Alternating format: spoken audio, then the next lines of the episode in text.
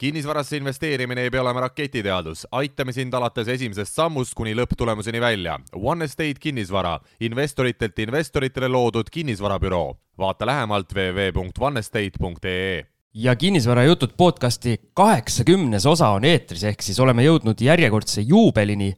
ümmargune null on taas numbrile taha tulnud ja stuudios, õigemini mitte stuudios, kohe sellest räägime pikemalt, aga mikrofonide taga Siim Semiskar ja Algis Liblik, tere Algis! tšau, Siim! oleme taas siis tulnud nii-öelda põllule. ja ikka, et noh, jälle mobiilselt, et me siin vahetame asukohti, aga, aga juubelile kohaselt ikkagi oleme täna nagu väga eksklusiivselt jube tüütu on salvestusel tulla, kui sa ei tea, kuhu sa tulema pead, sa ei tea, kuhu sa parkida saad, algis. ma hoian üllatust. algis oma suurte, suurte labida kätega juhatab, et pargi sinna, pargi sinna. jah, Siimul on alati huvitav tulla, sest ta kunagi ei tea, et peabki olema väike üllatusmoment ka elus ikka, et. just, ja üllatusmoment on loomulikult ka see, kes meil täna külas on. ja enne kui ma meie külalise sisse juhatan, kes juubeliosadele kohaselt on ikkagi investeerimismaast-, maastikul nimekas, nimekas inimene ja nii-öelda tuntud, tuntud mees, ütleme siis nii palju juba ära. aga ma enne räägin siia väikese loo ette.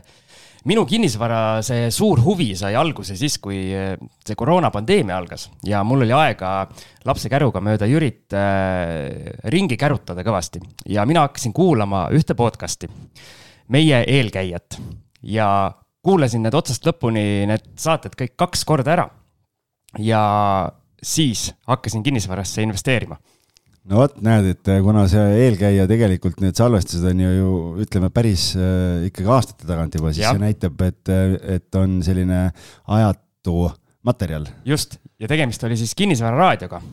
kui ma õigesti mäletan selle podcast'i nime, aastaid juba ühtegi osa ei ole tulnud minu teada, aga meil on siis külas ettevõtja ja kinnisvarainvestor Peeter Pärtel, tere Peeter tere, aitäh kutsumast! ma kohe parandan Siimu, et tegelikult Peeter eelmine aasta minu arust tegi paar osa äh, sinna ka, järelmaksuga müügist ja, oli mingi osa ja, ja. paar, paar osa on tulnud, aga, aga me noh, ütleme, et sobiv meeskond on puudu, sellepärast ei uuene see ma täiesti seda tänast saadet ette valmistades ka kolasin arhiivides igal pool ja vaatasin Youtube'i ja, ja, ja Google'is igal pool äh, rändasin ringi ja siis ma tegelikult äh, ikka Youtube'is leiab igasugu huvitavaid videosid, kus te seal Joeliga käisite mingitel objektidel ja tegite mingit kinnisvara matemaatikat ja mingeid asju, nii et et tegelikult täitsa põnevat asja, nii et ja, ja, ja ma soovitan ise ka, ma olen ka kõik kinnisvara raadio osad ära kuulanud, et tegelikult päris põnev ja, ja noh, kuna äh, meie räägime siin võib-olla väga palju sellistest noh, kuidas me ütleme, isikutepõhiselt ja kaevame nende, nende tegemistesse, siis tegelikult äh, Peetri ja Joeli saated olid selles mõttes nagu huvitavad, et seal oli päris selliseid tehnilisi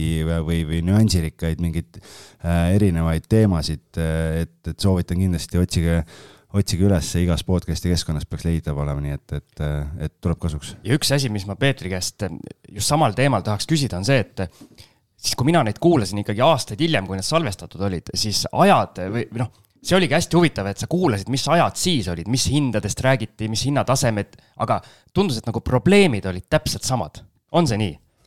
arvatavasti, ega mina pole neid ammu kuulanud, eks ju, et mina kuulasin neid siis, kui me salvestasime, aga aga jah, need podcast'i osad on seal ju kümne aasta tagused, et, et on kusagil seal kaks tuhat kümme, kaks tuhat kaksteist sai, olime väga aktiivsed ja siis hiljem on ka mõningaid osasid sinna Äh, Joeliga juurde tehtud. aga täna jah, mul on nii-öelda see oma siim puudu, eks ju, et, et Joel oli see ikka tehniline pool ja, ja ta tippjuhina, tal kahjuks ei ole aega nagu selle podcast'i tegemisega tegeleda no vot, igale podcast'il oma siim. jah, ja nüüd te saate aru, kuidas algis nii rahulikult lendleb siin nagu lumehelbeke. tulen lihtsalt ja, ja, ja lihtsalt olen just, aga lähme nüüd Peetri juurde ja hakkame siis, hakkame siis otsast minema, et põhimõtteliselt ähm, ma arvan, et sinu nime teab äh, iga Eestis kinnisvaraga seotud inimene. me küll natukene seda nii-öelda fakti siin üritasime enne salvestust ka avada, et kas see päris nii on, aga Peeter saab sellest kohe ise rääkida, et aga kerime äh, nii-öelda ajas päris algusesse, et äh, mis aastal ja kuidas sinu see kinnisvara teekond alguse sai jah, kus on algus, eks ju, et ma arvan, et päris, päris algus, kui me räägime nagu alguse eelloo ka ära, siis äh, esimesed niisugused äh, minu teadvuses kinnisvara väljaüürimine jõudis nagu läbi negatiivse mustri. sellepärast, et mu vanemad tegelesid siis selliste inimestega nagu sundüürnikud.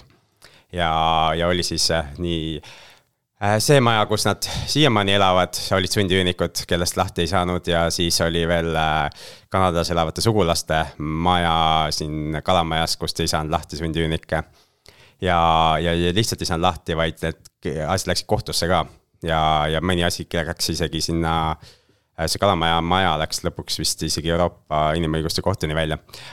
ehk seal nagu väga-väga suuri summasid ja aega nagu kulutati sellele, et, et ühesõnaga kinnisvara ja üürnikud äh, tähendasid siis probleeme ja, ja, ja suuri probleeme no vot, see on küll hea algus, Siim, kuule, me siin räägime kogu aeg, et noh, tasub ikka kinnisvarasse raha panna ja kõik on tore ja värgid ja aga no näed, et eh, elu ei ole lust ja lillepidu ainult, et. Eh. Aga tol ajal, eks ju, kui tahtsid sundiüürnikust eh, lahti saada, siis ainuke nagu realistlik asi ja mida mu vanemad ka tegid, oli see, et nad ostsid neile korterid. et sa ostsid enda, siis sinu pind on, sinu maja, sul on üürnik, ta ei keeldu lahkumast ja selleks, et ta ära läheks, sa lähed ja ostad lihtsalt linna pealt talle korteri ja ütled, et palun, see on nüüd sinu korter, vormistad notaris tema nimele selle. ja, ja siis, äh, siis ta oli nõus nagu ära minema. Ja minu meelest sai isegi mitu tükki pidi ostma, et, et mitmest niimoodi lahti saada. hea hobi, jah? ostad, ostad teistele korteri? jah jah. peab ikka rikas inimene olema, et. aga sundüürnikega neil oli eriline staatus, eks ju, ja keegi ei teadnud, kaua see staatus kestab ja, ja millal see ükskord lõpeb ja sundüürnikel oli ka fikseeritud üür mis oli, ma ei mäleta, kui palju see oli, kas see oli äkki neli krooni ruutmeeter, ma ei või arvutada, mis sendid see on. et ühesõnaga, seal oli, oli see alguses võib-olla oli tulu üürilähedane, aga mida aeg edasi, seda noh see oli siis nagu tähtajatu selles mõttes, et see neli krooni on. see oli fiks jah, seda ei saanud tõsta ega muuta ega midagi, see oli nagu ja keegi ei teadnud, kaua see kestab, et see lõpuks nagu lõppes ära, eks ju. aga, aga see, need asjad nagu tekkisid probleemid enne juba ja, ja, ja tol hetkel nagu ei olnud seda perspektiivi, et see ära lõpeks kunagi. okei okay,, aga kuidas sul see nii-öelda positiivse spinni see asi kõik sai? Jah, see on hea küsimus, eks ju, et teise äärmusesse siis ja teise äärmusesse aitas siis äh, minna mm, avas selle tee nagu siis Rikas isa, vaene isa raamat ja Cashflow lauamäng oli siis see, mis andis kindluse sinna liikuda. ja Cashflow lauamänguni jõudis minuni kaks tuhat neli aastale, umbes sealkandis ja.... enne kui raamat või? ei, äh, peale raamatut, et ma lugesin Rikas ja vaene isa raamatut ka kaks tuhat neli. aga kust sa selle raamatuni jõudsid? see oli eesti keeles olemas tegelikult, et ta oli vist kaks tuhat üks tõlgitud eesti keelde Sinisuka poolt. Ja, ja ta oli nagu raamatupoes, et mind hakkasid Äh, ma vihkasin lugemist, et see on ka võib-olla eellugu, et ma äh, enamuse oma nagu ütleme, kooliharidusest sain ka niimoodi, et ma kohustuslik kirjandus jäi läbi lugemata. Et äh, tavaliselt ma lihtsalt äh, enne nagu seda tööd konsulteerisin siis klassikaaslastega, mul olid väga, põhikoolis olid mul väga head klassikaaslased, mitu nendest hiljem lõpetas kuldmedaliga ja nii edasi. Neil oli alati kõik loetud, et tuli konsulteerida, et millest see raamat räägib ja siis ülejäänu sinna juurde et, ette kujutada. ja, ja siis vähemalt kolm miinust kätte saada ja kui esimesel katsel ei õnnestunud, siis teisel ikka õnnestus. nii et, äh, et ma, lugemine tõesti ei meeldinud mulle. Ja, aga kui ma õppisin siis Tallinna Polütehnikumis, IT-valdkond huvitas mind ja, ja siis ma hakkasin äh, lugema tegelikult, äh, sattus Goldrati raamat, üks sattus mulle kätte. mis oli nagu, ma oma arust ostsin IT-raamatu, aga siis ta oli nihukeses äh, põneva jutustusena kirjutatud seal piirangute teooria IT-valdkonnas. ja siis ma lugesin teisi tema raamatuid ja siis äh, sealt järgmisena kusagil kõrval oli see Rikas ja vaene isa, mille ma kogemata siis võtsin ka. ja ma tegelikult ostsin, äh, oli Sinisuka äriraamatu seeria, seal oli veel raamatuid, et teisi raamatuid ma vaatasin ka, aga need nagu ei kõnetanud nii palju mind. et see Rikas ja vaene isa siis kõnetas ja, ja just hakkas mind huvitama siis, mis asi see rahavoomäng on. et sellise nimega mängu, eks see olemas ei ole, siis äh, tagasi inglise keelde tõlkides äh, sai siis, leidsin selle Cashflow mängu ülesse. ja tol ajal tegelikult mul oli juba oma ettevõte olemas, ma tegelesin siin ühe sõbraga ma ei tea, müüsime siis arvuteid edasi, ordi edasi müüa olime näiteks ja, ja siis pakkusime virtuaalserveri teenust ehk on kodulehe mõjutust. Tol, tol hetkel nagu oli normaalne, et seda teo, teevad mingisugune kolmeteist ja kuueteistaastane poiss ja siis ettevõtted panevad oma koduka sihukeste tüüpide serverisse. et täna ma ei kujuta seda ette väga aga, aga siis äh, ma tellisin selle Cashflow mängu jah, ja, ja see läks maksma mulle kaks tuhat viissada krooni äh,. või ei, neli tuhat krooni, see on kakssada viiskümmend eurot. et kakssada viiskümmend eurot läks esimene mäng maksma mulle. aga noh, see mängu noh, saamine oli nagu üks lugu, aga siis, et kellega mängida. Et see ei olnud üldse sugugi lihtsam. et esimest korda, tegelikult alguses ma arvan, üks aasta aega oli niimoodi, et äh, kelle iganes ma sain nõusse, et ta mängiks mu Cashflow mängu, siis teist korda enam ei tahtnud. et äh, pidi kogu aeg uusi inimesi otsima. miks nad rohkem ei tahtnud, liiga keeruline või? see oli keeruline mäng jah, ta oli inglise keeles ja, ja me ei saanud kõikidest sõnadest aru, me noh, ja ütleme, esimene mäng meil võttis üldse kuus tundi aega eks ju, ja, ja nii edasi, et kõik see kokku, et, et inimesed tegelikult ei olnud nõus nagu teist korda tulema mängima niisugust mängu. Mul läks ka vist esimene Cashflow mäng läks äkki ka umbes kuus tundi, me äh, Keniga võtsime hunniku õllesid ligi ja hakkasime mängima ja siis mängisime öösel kella kolmeni ja siis mõtlesime, et kuule, aitab küll, et, et, et muidu, muidu järgmine päev võib-olla ei ole nii, nii mõnus nagu ärgata, et et tegelikult on, aga ta ongi, tegelikult ongi pikk mäng, et kui alguses eriti jah, aga see tasubki siis mängida, kui keegi juhendab, siis ja panna see pooleteisttunnine ajalimiit, et see on täiesti, täiesti piisav. ja see kolmeni öösel, et, hiljem meil tekkis Cashflow klubi, et meil hakkas seltskond kasvama ja siis meil oli seal mingi paarkümmend inimest ja siis oli kuuskümmend inimest, iga nädal käisime koos. ja, ja siis need läksid ka tihti see kahe-kolmeni öösel, aga mitte mängimine, vaid siis mängimine läks seal nagu alla tunni ja, ja siis oli lihtsalt arutelu, et kuidas me nüüd reaalsesse ellu selle paneme. et, et see, need arutelud nagu läksid päris, päris pikaks ja olid, olid väga vahvad. aga täna neid Cashflow klubisid enam ei toimu või? aeg-ajalt inimesed käivad koos, mina ei ole korraldanud rohkem, kui siis sai korraldatud enne koroonat siin üks kord aastas niisugune suurem mängimine, et nüüd äh, viimane toimus kaks tuhat kakskümmend aasta jaanuaris. et äh, ja, ja noh, märtsist hakkas, eks ju, kogu see koroona teema pihta, et pärast seda mina ei ole ühtegi korraldanud. ja täna mul ei ole ka mänge isegi ei ole, sellest äh, tekkis sihuke huvitav olukord, et, et see Cashflow mängu uuendati kaks tuhat kakskümmend ja, ja ma tahan seda uut versiooni välja tuua aga selle, äh, ütleme siis, Robert Kiyosaki ettevõte on tuntud oma aegluse poolest. ehk et nad ei ole suutnud nüüd siis mingi pooleteist aasta jooksul välja mõelda, et mis tingimustel nad seda nüüd litsenseerida tahavad, uut versiooni. raha on nii palju, vaata siis kiiret ei ole, tark ei torma ju jah, et seal, ma ei tea, venib see asi, ühesõnaga mul on uue versiooni failid on olemas, tõlkimine, ületõlkimine käib. ja, ja ma loodan, et nad selle litsentsilepingu ka lõpuks välja mõtlevad, et, et siis, kui, kui nad lõpuks välja mõtlevad, siis, siis saame tuua selle välja uuesti eesti keeles sa siin äh, mainisid oma jutus ka, et te seal äh, nii-öelda pärast mängimist arutasid, et kuidas see mänguteema viia pärisellu. aga räägi siis, kuidas sinul tekkis esimest korda see mõte, et, et kõik see, mis mängus toimub, okei okay,, see on nagu super, aga kuidas siinsamas Eestis äh, see nii-öelda päriselt ellu viia ja kuidas sa sinna suunas nagu liikuma hakkasid? seal oli, vaatasin ka Kiyosaki videosid tol ajal, neid oli vähe muidugi, aga, aga see, mida sai vaadata kuskilt, seda vaatasin, eks ju et äh, äh, sellesama äh, Cashflow lauamänguga tuli VHS kassett kaasa, et nooremad inimesed ei tea, mis asi VHS on. guugeldage, mis on VHS. just, et VHS kassett tuli kaasa, kus Robert Kiyosaki rääkis üht-teist ja, ja, ja siis äh, võib-olla leidsin kusagilt internetist ka midagi veel. aga siis üks soovitus, mis tal oli, oli see, et ennem kui hakkad midagi tegema, hari ennast. ja, ja ma mõtlesin, et okei okay,, ma tahan ka siis seda üürikorterit, eks ju ja, ja siis äh, otsisin, et kus ma saaks midagi õppida, et kuidas see Eestis käib. Ja ainukene oligi siis kinnisvaramaaklerite koolituse leidsin, et äh, tol ajal oli niisugune ettevõte nagu Haabersti Maja. ja, ja see on põhimõtteliselt tänase kinnisvarakooli eelkäija, et äh, Tõnu Toompark oli seal ka üks, üks siis nendest, kes rääkis sel teemal. Andrei Raidiga vist oli neil äkki see kahe peale see ettevõte? Ei, see ei olnud, see oli veel enne no, seda. enne, enne seda jah, Andrei Raidiga oli neil see kinnisvarakool alguses ah, kahe okay, peale. okay.. aga enne, enne seda nagu seal oli jah, Tõnu oli vist tol, tol ajal üldse seal FKSM-is töötas müügi peale, aga siis käis, käis ka seal loenguid pidamas.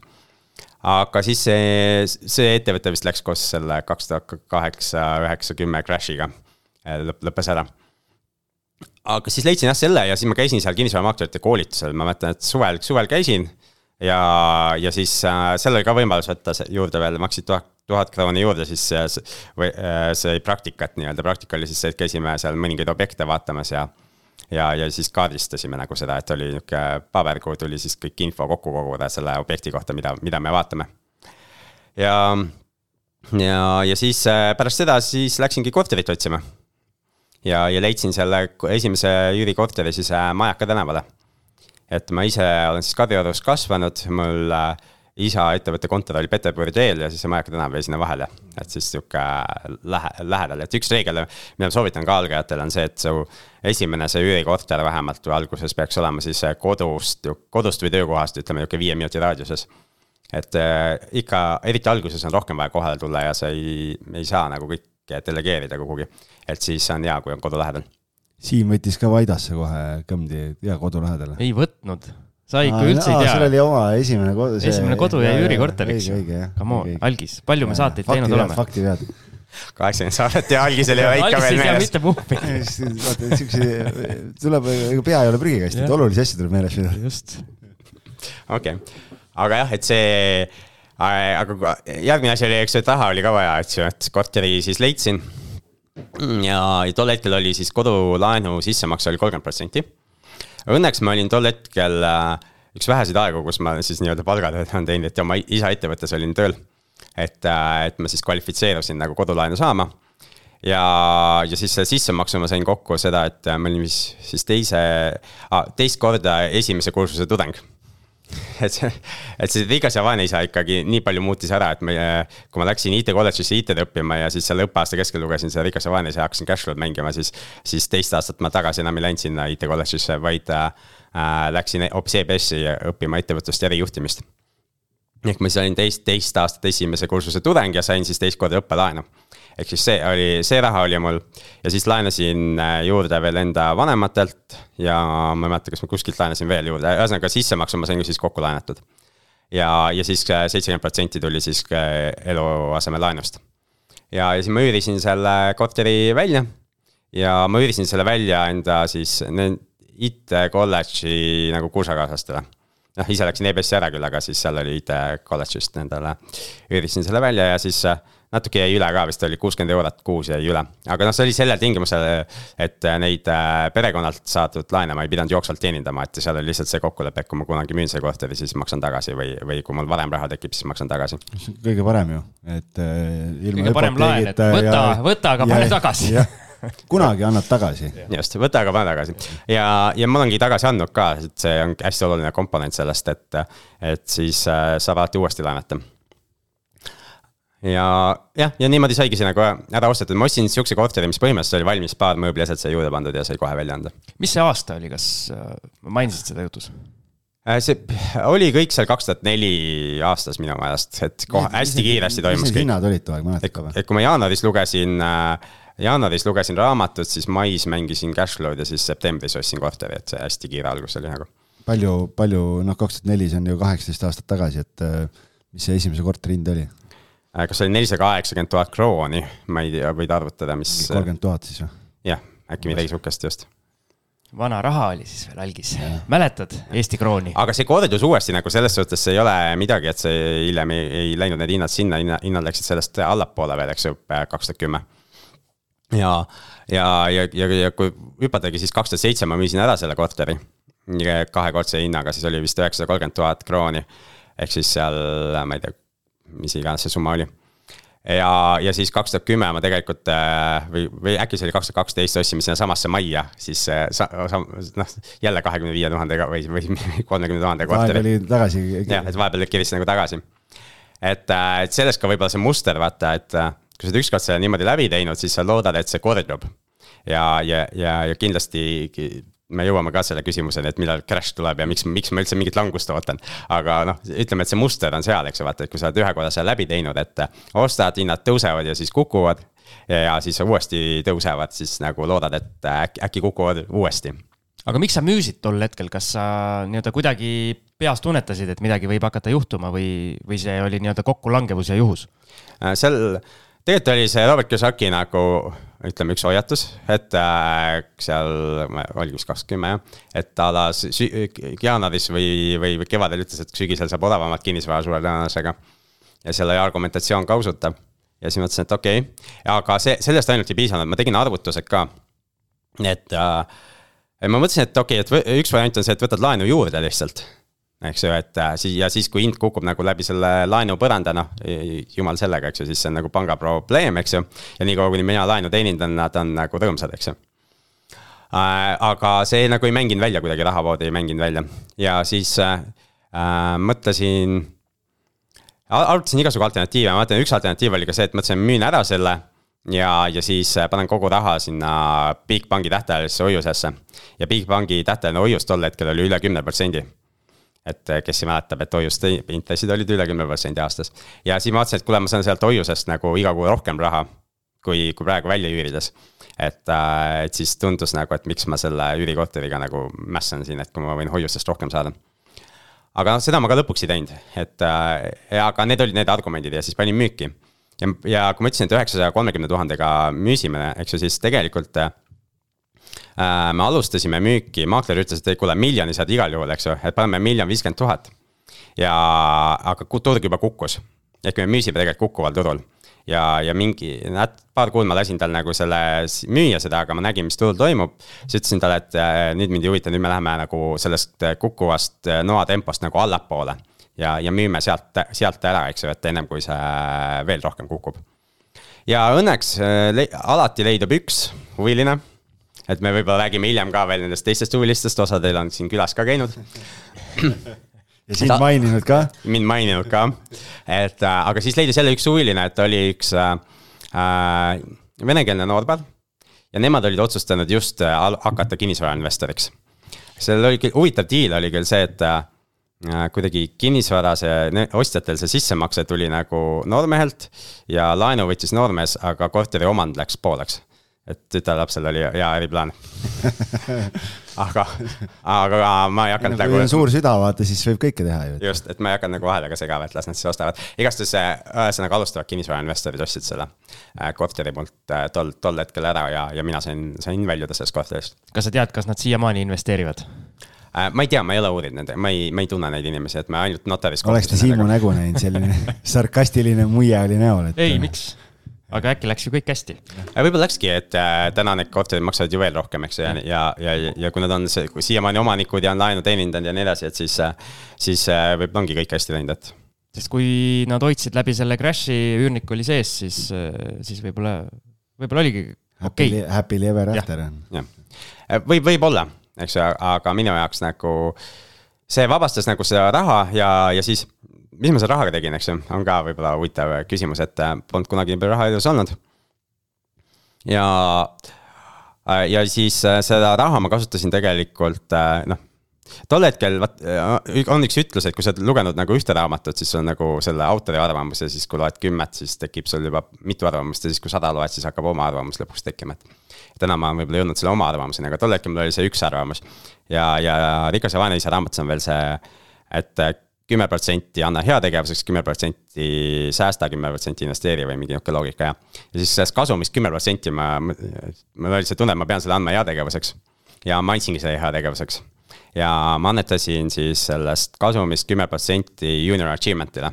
ehk et siis majandusõpet koolides edendatakse ja, ja, ja noh, nende jaoks see, see on huvitav jutt, eks ka nende jaoks oli see nagu. et kes see veel on, eks ju, ja miks ta meile nihukese summa kannab, sest see oli. Ma ei mäleta, kas kasum oli äkki pool miljonit krooni, et siis oli viiskümmend tuhat krooni tuli järsku lambist nagu. päris suur raha ju. see oli väga suur raha sellel hetkel jah. Ja, või, või võib-olla see oli natuke väiksem summa, aga, aga midagi sihuke ikka kümnetes tuhandetes kroonides.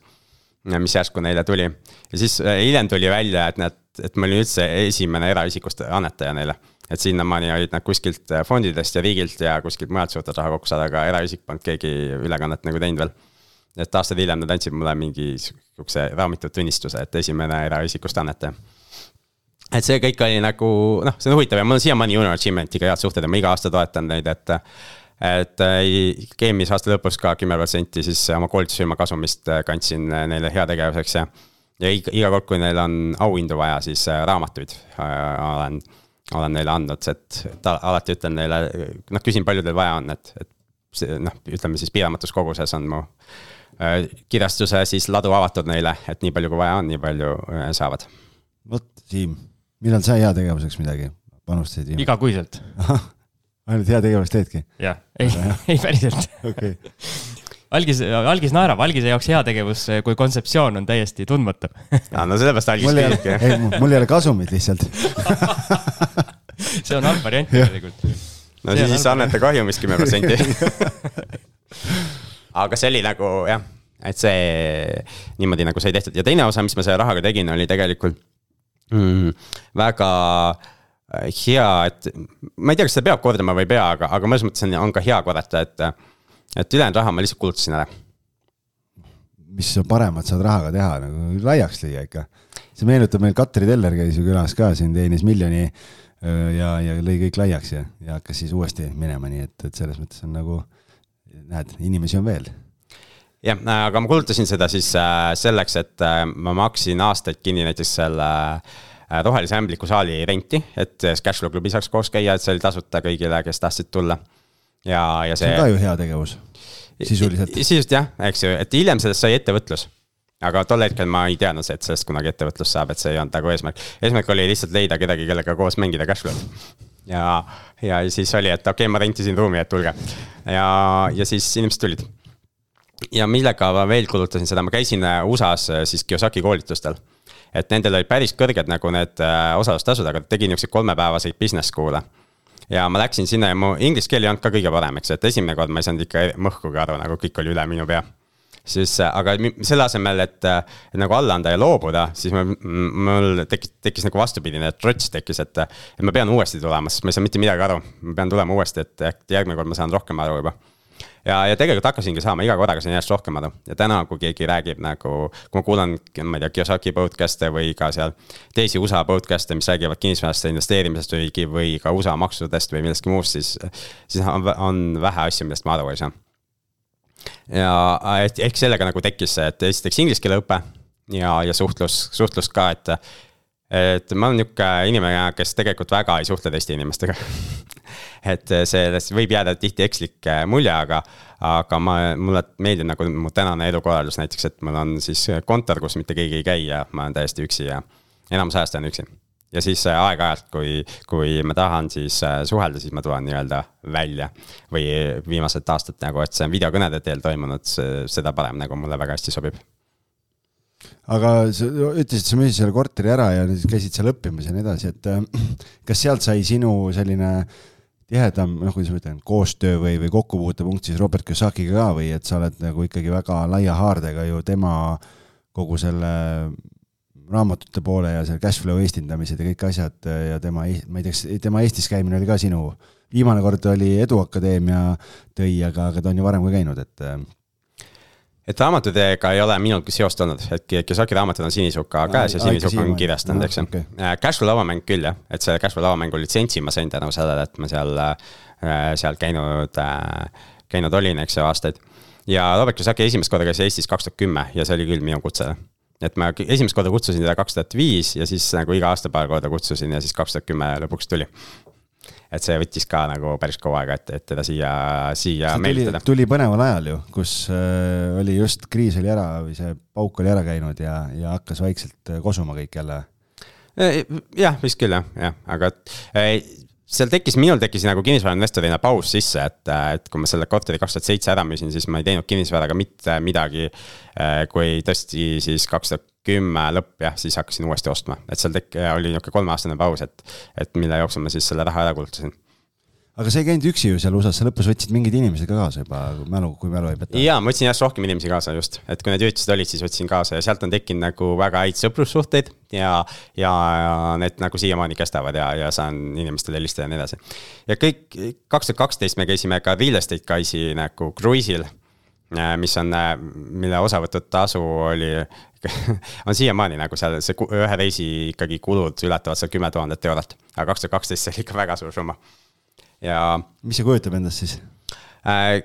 Real Estate Guys podcast'i tasub kindlasti kuulata, neil on väga head äh, külalised, eks, et seal on kinnisvarateemalised jutud, aga on üldse üldmajandus ka kogu aeg sees.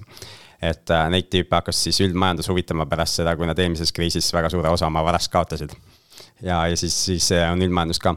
aga see kruiis on nihuke mm, üheksapäevane kinnisvara teemaline siis ütleme konverents, kus on väga palju erinevaid esinejaid ja, ja, ja väga niisuguseid noh, tuntud, tuntud nimesid. ja sellest seitse päeva, kaks päeva oli maa äh, hotellis konverentsisaalis ja seitse päeva oli siis kruiisilaeval.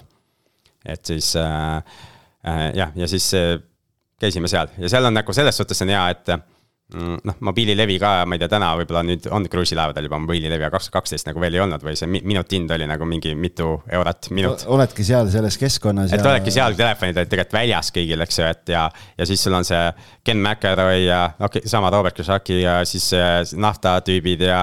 ja kõikvõimalikud kinnisvaratüübid ja igasugu erinevate portfelli suurustega ja kes haldas seal tuhandet ühikut ja kes sadat ja. ja kelle ja siis oli ka niisuguseid algajaid investoreid, väikeinvestorid olid ka et USA väikeinvestor oli ala, et mul on viis seda maja, mida ma välja üürin, siis küsid, kus need asuvad ja siis ta ütleb mulle USA-s täiesti erinevad asukohad nagu. erinevas USA osades, siis sa küsid nagu, et mismoodi see toimub. aga USA-s on väga palju neid turnkey provider eid ehk siis võtmed äh, kättepakkujaid. ehk et see inimene vist, ma ei tea, ühte oli nendest külastanud, nelja ei olnud kunagi käinud, eks ju ehk et paberi peal on ostnud selle ja siis hal haldus toimub, eks ju, et, et keegi algis haldab neid seal kuskil, eks ju, ja. ja, ja, ja teeb kõik ära, eks ju, et see inimene ei pea kunagi, kunagi kohale algis minema. siis teeb selle maja valmis ka ja pakub siis haldust sinna peale või, et tal on. seal on nagu erinevaid mudeleid, ta võib sulle ehitada ka selle, eks ju, võib, on ka seda, aga võib-olla on ka seda nagu sa oled ise öelnud, et ostad investorile korteri, korraldad renoveerimise, siis väljaüürimise, halduse, eks ju, kõik korraldad talle ära ja siis, kui ta lõpuks ütleb, et tahan nüüd müüa, siis korraldad müügi ka ära. et põhimõtteliselt samasugune teenus, eks ju aga see on väga laialt levinud ja siis on needsamad investorid ütlevad, et mul on viis, viis seda maja, aga siis ta ütleb mulle viis erinevat USA linna nagu. aga seda kohta, kus mobiililevi ei ole, seda ma soovitaks algisele küll, et kuule, mul on. võta jalad selga ja mine jah, mul on üheksa päeva oleks muidugi, oleks päris raske vist, et. Äh, ja kümnendal päeval läks lõbusaks või? ei no selles mõttes lihtsalt mõtlen, et kui sul on nagu pere ja asjad, et siis nagu üheksa päeval oled nagu kuskil vangis, et see, ma ei, ma vist ei saaks hakkamagi. aga sinna võetakse peret ka kaasa tegelikult, noh, tol hetkel mul muidugi ei olnud mingit pere, aga, aga seal kruiisil on pere, pere ka ja, ja kui on teismelised lapsed, siis see on nagu väga hea, siis on eraldi sessioonid teismelistele.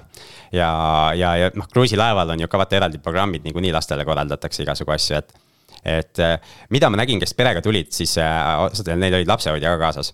Ehk siis oli lapsehoidja, kes tegeles lastega, eks ju, päeva, päevad otsa, et saaks ise konverentsil olla. väga äge, vot nüüd läks juba paremaks. mul tuli mõte, korraldame kinnisvarajuttude kruiisi Stockholmi millalgi. No.. lapsed, lapsed-naised kaasa ja jah, seal on lihtsalt, ma ei tea, kui palju laupäeval sinna neid inimesi sinna konverentsile jõuab, et sellel nendel kruiisidel on tavaliselt teine eesmärk, et. seal on teine kontingent vist no, et eh, ma ei tea, milliste kinnisvarainvestoritega te suhtlete, aga aga need kinnisvarainvestorid nagu, kes minu ümber on, et, et me teeme, ka koguneme tihti inimestega ja nii edasi ja, ja ma pean ütlema, et eh, noh, kuidagi vähe juuakse et, et, et ma ei tea, isegi eriti ei ole suitsetajaid ja, ja, ja, ja väga vähe nagu juuakse. et kes on ikkagi, võib-olla ma lihtsalt sattunud sellisesse seltskonda, aga, aga, aga sihuke kinnisvara huvi ja investeerimishuvi ja need vestlused ja kõik muud asjad, eks. Pigem mõte oli selles, et noh, et olles seal Rootsi kruiisil käinud ka perega reisimas, siis sa näed neid, neid inimesi, kes seal on äh, mingid teistel eesmärkidel, et siis et aga. no mis ei, siis, sa oled seal oma konverentsisaalis ja, ja jumal sellega. Nagu, et ma arvan, et selline. ma jäin mõtlema selle peale, et, et ei joo ja ei suitseta kinnisvarainvestorid, siis põhjus on selles, et raha on kõik ju kinni kuskil. jah, kõik, kõik reinvesteeritakse kogu ja. aeg, et siin suitsupaki peale ei ole aega, aga see on tegelikult, tulles suitsetamise juurde, minu meelest nagu ülitore nähtus tänases ühiskonnas, kus väga palju inimesi Äh, loobub suitsetamisest, et äh, mul tutvusringkonnas praegu ma ütlen, väga palju ei teagi enam, kes teeks, et vanasti kõik käisid käisid kuskil suitsunurgas, et nüüd enam pole näha, nii et. Äh, aga üks asi seoses suitsetamisega, miskipärast äh, selles segmendis, äh, kus minu korterid on, ma mõtlen üürnike segment ja see hinnasegment, seal minu üürnikud vist on kõik sada protsenti suitsetavad. ukse pealt tulevad sisse, tunned ära kohe, et ja. värskelt just õues väikse. no see teema, et, et ei tohi rõdul suitsetada, rääkimata siis toas suitsetamisest, see tuleb ikkagi algus väga nii-öelda jõuliselt läbi käia, et siit, siit pääsu ei ole. ma saan aru, et see teenindab Maxima klienti, et, et see Peetril olid Stockmanni Maxima kliendid ja kõik see. Paidas Maximat ei ole, nii et seal ta peab kuskil mujal poes käima. aga mis pood seal on? seal on Coop. no see on Coopi kliendid või Krossi kliendid, eks ju, Jüris on Krossi pood olemas. Jüris on Krossi pood olemas, jah. kuule, aga tuleme Robert Kiyosaki juurde tagasi korra, et, et tema noh ma ütlen ka, et mina kunagi siin võrkturundusega tegelesin ja olen tema raamatuid lugenud ja kuidagi ka tegelikult isegi olen mõelnud aeg-ajalt siin sirvinud mingit äh, rahavoo kvadranti ja, ja mingeid asju, et tegelikult on seal nagu päris, päris palju häid tarkusi on sees aga tema nime külge on ikkagi viimase kümne aastaga tekkinud see kuvand, et mees iga aasta kisab, et nüüd on kõik teistmoodi ja, ja kohe nüüd tuleb see pauk ja ja, ja kohe on, kohe kõik on uuesti pekkis, mida ei ole, on see, see pauk, on ju, et ja, ja, ja mingil hetkel sina võtsid ka hästi palju nagu sarnastel teemadel sõna ja ja, ja mina olen ka mitmelt inimeselt kuulnud, et noh, et et ja, ja ütles ka meil siin ju Kaspar Kissa, kes, kes sult mingi korterid on ostnud ja naeris, ütles, et noh, et kui, kui Peeter ütleb, et nüüd on aeg müüa, siis tegelikult peaks nagu ostma, on ju, et äh, kuidas sa ise kommenteerid seda? no Kaspari osas saab öelda ainult seda, et ta ei ole ühtegi majanduslangust läbi teinud. et, äh, et äh, siis on lihtne sellist seisukohta omada, nagu tal on. aga kui me räägime nagu sellest kogu majanduskriisist ja, ja Kiyosaki ennustustest, et sellest saab nagu nii ja naa vaadata ja ja seal on nagu, tasub kuulata nagu seda, neid argumente, mitte seda lõppjäreldust, et võimendatakse nagu lõppjäreldust, aga, aga tegelikult seal taga on, eks ju, ka mingi argumentatsioon ja loogika ja, ja, ja kõik, kõik muud asjad. ja, ja paljuski, mida tema nagu, miks, miks ta sellest nagu räägib ka, on see, et valmistuge, eks ju, et olge valmis. ja see valmistumine nagu selles mõttes äh, ei ole ju halb, et kui sa oled valmis selleks, kui see ei tule, väga hea. aga kui tuleb, siis oled valmis. et äh, ja, ja see jah, sihuke, ma ei tea, et see valmistumine minu meelest ka ei ole nagu halb, eks ju, et et aga muidu noh, ta on argumentatsioon olemas, aga kui sa vaatad nagu, miks need äh, sündmused ei ole tulnud, eks ju, siis äh,. tegelikult on tehtud ikka väga ekstreemseid asju. ja me, me räägime just keskpankade tegevuses. et see sellisel kujul nagu raha juurde lisamissüsteemi, ajalugu ei tunne seda, või, või kui tunneb, siis on see nagu väga kiiresti lõppenud äh, täieliku hüperinflatsiooni ja majanduse kokkuvarisemisega. et seda, seda ka täna nagu toimunud ei ole, eks ju, seal on teist, teised argumendid, miks see veel toimunud ei ole. aga nüüd lõpuks, eks ju, me näeme ka seda inflatsiooni.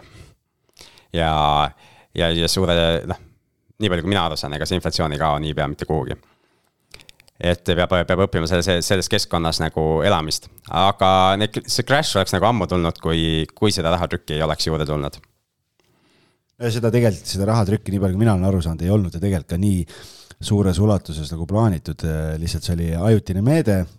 minu arust Viljar Arakas ütles jube hästi aasta tagasi, millalgi see oli, et, et noh, et see lohe lasti sealt pudelist välja ja kasvas nii suureks, et enam ei mahtunud pudelisse tagasi ja, ja nüüd on juba hilja nagu midagi teha. Nüüd on hilja, aga nüüd seda püütakse, eks ju, tagasi panna Ameerikas ka, eks ju, püütakse seda nüüd tagasi panna, intressid tõusevad, eks ju, ja nii edasi, et. et noh, me näeme, kuhu see läheb, aga seda äh,, seda ei ole võimalik nagu tagasi panna, et kui, kui tõesti tahe, tõsiselt tahetakse tagasi panna, siis see toob igal juhul majanduslanguse kaasa. Öeldakse, et äh nii-öelda kaks kriisi ei ole ühesugused mitte kunagi, et aga kuidas sa siis valmistud äh, järgmiseks kriisiks? sinul on see eelmise kriisi nii-öelda kogemus olemas, sa nägid seda nii-öelda lähedalt, kuidas sina selleks järgmiseks kriisiks valmistud, kui sa tegelikult ju täpselt ei tea, mis, missugune kriis tulemas on no ma olen muutnud ärimudelit, eks ju, et äh, kui ma alguses ostsin siis sada protsenti laenuga korteri, millest me rääkisime esimese, eks ju. siis tegelikult ma ostsin neid veel ju, et äh, kui me kaks tuhat kümme või seal üksteist ostma uuesti hakkasime, siis me ostsime iga kuue kuu tagant uue korteri. kuni meil oli seal neli kahetoalist äh, korterit abikaasaga ja, ja kõik olid tegelikult sada protsenti finantseeritud, ehk meil ju raha, raha ei olnud, ma olin kõik ära kulutanud, eks ju. et siis äh, kõik ostsime kõik nagu sada protsenti laenuga. ja, ja siis äh, Äh, et täna ma nagu ei tee seda, et ma ei ole valmis seda tegema täna, et ostma sajaprotsendise laenuga midagi. korra võib-olla peatume selle sajaprotsendilise laenu juures, et võib-olla äkki sa räägid, et noh, et esimeses rääkisid, et võtsid kodulaenu ja võtsid sinna juurde siis äh, siin FFF-ilt nagu raha, et mm -hmm. mismoodi nende ülejäänud kolme või nüüd nüüd järgmise nelja korteri puhul see finantseerimine toimus siis, et, et võib-olla kus siin mõtleb, et kuidas nii saab, et, et seletad lahti äkki, mis sa tegid et äh, iseenesest tegelikult on lihtne, et äh, sa pead olema nagu usaldusväärne inimene kellegi jaoks. ja, ja abiks on ka see, et sul on mingi ettevõtlus. et näiteks minul oli tol hetkel raamatupidamisettevõte, ehk siis äh, igakuised tulud nagu olid olemas. ja, ja siis ma laen-, laenasin siis korterite ostmiseks pangalt ja, ja siis laenasin äh, teistelt raamatupidajatelt. raamatupidajad on näiteks sellised inimesed, kellel äh, kipub raha üle jääma ja kes, head raamatupidajatel on jälle see häda, et neil ei ole üldse aega, siis neil ei ole aega kulutada ka. et neil, nad muudkui teenivad raha, aga neil ei ole aega kulutada. et siis äh, laenasin raamatupidajatelt ja, ja sain seda siis laenata nendelt nii, et, et sinna ei olnud vaja tagatist seada. ehk siis, ja siis äh, Äh, panga jaoks tuleb ka asi ilusaks teha, nii nagu pank näha tahab seda. ehk siis äh, mina konkreetselt tegin niimoodi, et äh, kui keegi äriregistris ka vaatab, siis mul on nihuke ettevõte nagu Peeter Pärtel OÜ. ja siis sellel on tütarfirmasid mõned ja, ja siis äh, näiteks seal oli, ma ei tea, Sigma raamatupidamine või Sigma Computers ja kuhu ma nüüd kinnisvara ostsin. et siis äh, pangast võttis laenu see tütarfirma. aga sellelt äh, teiselt raamatupidajalt võttis laenu emafirma ja siis emafirma tegi siis selle omakapitali investeeringu või, või, või siis andis omaniku laenu sinna tütarfirmasse. ehk siis panga jaoks avanes see pilt, et on nagu, mul on omakapital olemas ja nemad saavad laenu juurde anda. aga see, mis nagu emafirmas on, seda nad ei vaadanud. et emafirma oli tegelikult just laenanud seda raha, mida omakapitalina sinna investeerida. ja, ja niimoodi saigi osta. ja siis äh, ja kui, kui ma ostsin nagu halvas seisukorras korteri, siis me renoveerisime tegelikult esimeses nendest neljast korteris me tegime abikaasaga kahekesi enamus töid ära. no Siimule tuttav teema siis. Te käite ka abikaasaga tegemas koos? jah ma ei oska muud öelda. just, aga noh, see mingi maani võib, ma arvan, et see on mõistlik nagu alguses, eks ju, et see sõltub nagu investorist ka alati, aga. aga see on mõistlik nagu oli selle jaoks, et me saime aru, mis need remonditööd endast kujutavad üldse, eks ju. ja hiljem oskad paremini sisse osta aga jah, et me tegime selle remondi ära ja siis noh, turg ka juba vaikselt kasvas, eks ju, siis äh, sai uue hindamise akti sai nagu mm, noh, refinantseerida kuidagi või niimoodi ja, ja, ja ja rohkem laenu nagu peale sinna korterisse ja siis sai tagasi, tagastatud seda laenu kas osaliselt või täielikult, eks ju, inimestele. ja kui sa oled kunagi kellelgi laenu võtnud ja intresse maksnud, eks ju, igakuiselt, äh, siis seal tekib üks probleem, mis arvad, Algis? Neile hakkab meeldima see, et nad tahavad järgmine kord rohkem saada ei, nad rohkem ei taha saada nagu see ei ole selle küsimuse, vaid aga nad on suht pahased, kui sa neile nagu raha tagasi annad aa, et nad ei olnud valmis selleks, et, et, et. et nad peavad et, et, uut kohta hakkama otsima. et nad peavad hakkama uut nagu jah, kuhu, aga siis nad kedagi teist ei usalda, vaata ainult sind usaldavad, eks ju, siis nad küsivadki, et kus noh, et osta midagi järgmist, et siis me saaks seda uuesti anda. tee uuesti. see on küll hea probleem, millega tegeleda ja aga see, aga see tekib ainult nende pooltega, kui sa võtad laenu nagu inimestelt, kes igapäevaselt ei tegele laenu andmisega, et kui sa lähed nagu professionaalsete laenuandjate juurde, eks ju, siis, äh, siis seal on, see on hoopis teine mäng, eks ju. ja, ja need intressid olid ka, kui ma võtt laenasin, siis ma ei mäleta, mis see kõige madalam oli, äkki kolm koma kaheksa protsenti aastas või midagi sellist, et see intress oli isegi kohati äh, odavam kui pangast laenu võtta. ja ilma hüpoteegita? ilma hüpoteegita, jah. odavam kui hetkel selline keskmine ärilaen jah, et odavam kui hüpoteegiga laen pangast ja. oli võtta eraisikult, just, mingi hetk oli jah, mingi laen, aga noh, seda ei olnud nagu pi piiramatus koguses, vaid seda oligi näiteks kakskümmend viis tuhat või midagi sellist. aga sa võtsid kuidas, et äh, võtsid bulletina või, või mis laenutüüp äh,? ikka bulletina, eraisikuna sa võtad alati bullet graafikuga laenu, ehk siis igakuiselt teed ainult intressimakseid ja siis lõpus maksad kogu summa tagasi.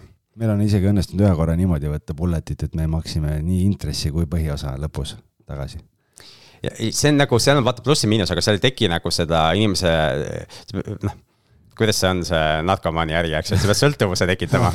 et ta peab, ta satub sõltuvusse sellest igakuisest laekumisest. muidu on ainult hetkeline, ühekordne. muidu on ainult hetkeline, ühekordne, eks ju no,. sellist võrdlust pole meie saates veel kunagi toodud. et, et kui sa tahad nagu ke, ke, jah, kedagi muuta sõltuvaks sellest sissetulekust, siis, siis pead ikka igakuiseid makseid tegema. hakkame sõltlasi tekitama. Me hakkame tegema, teeme selle rühma, kes kõik koguneb, need ah, anonüümsed laenajad. tere, mina minu nimi on Siim ja mina olen anonüümne laenaja. vaata, anonüümne laenaja ei kõla hästi nagu sellepärast, et tegelikult sa pead ikka hästi läbipaistev olema nagu enda asjades, kui sa tahad laenu võtta.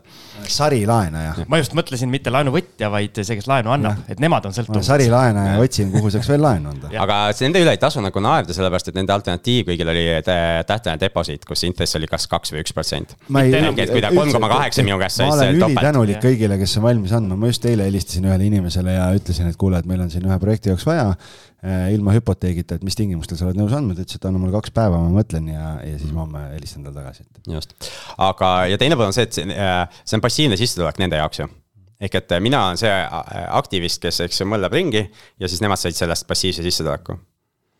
ja midagi, midagi sarnast on nagu, kui me tänasesse päeva hüppame, siis Jüri nutilaud, eks ju.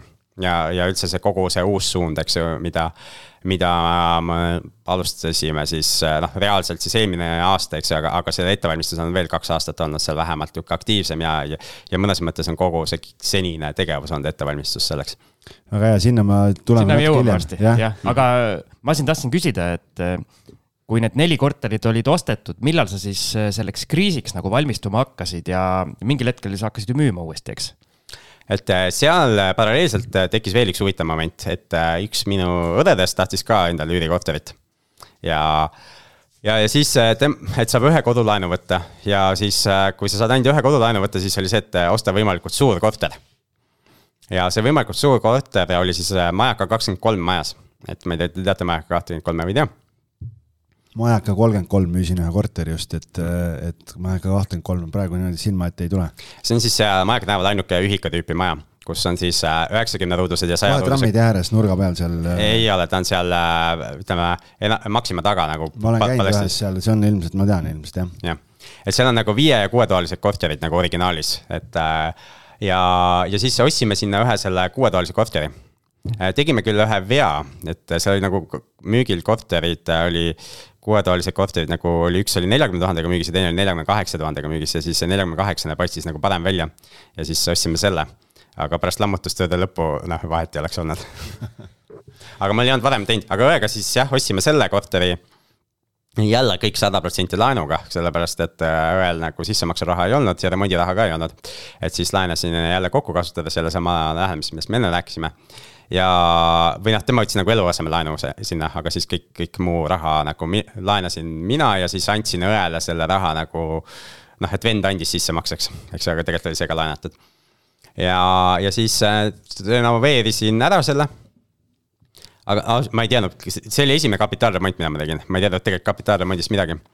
aga siin on võib-olla õige aeg äh, tänada siis äh, minu niukest mentorit ja, ja, ja tõesti väga head äh, toetajat, äh, siis Toomast, et äh, et Toomas Mardit te vist teate ka, eks ju, ja, ja tema on nagu läbi aastaid toetanud, et ma ostsin selle korteri ära ja siis küsisin Toomase käest, et mis nüüd saab.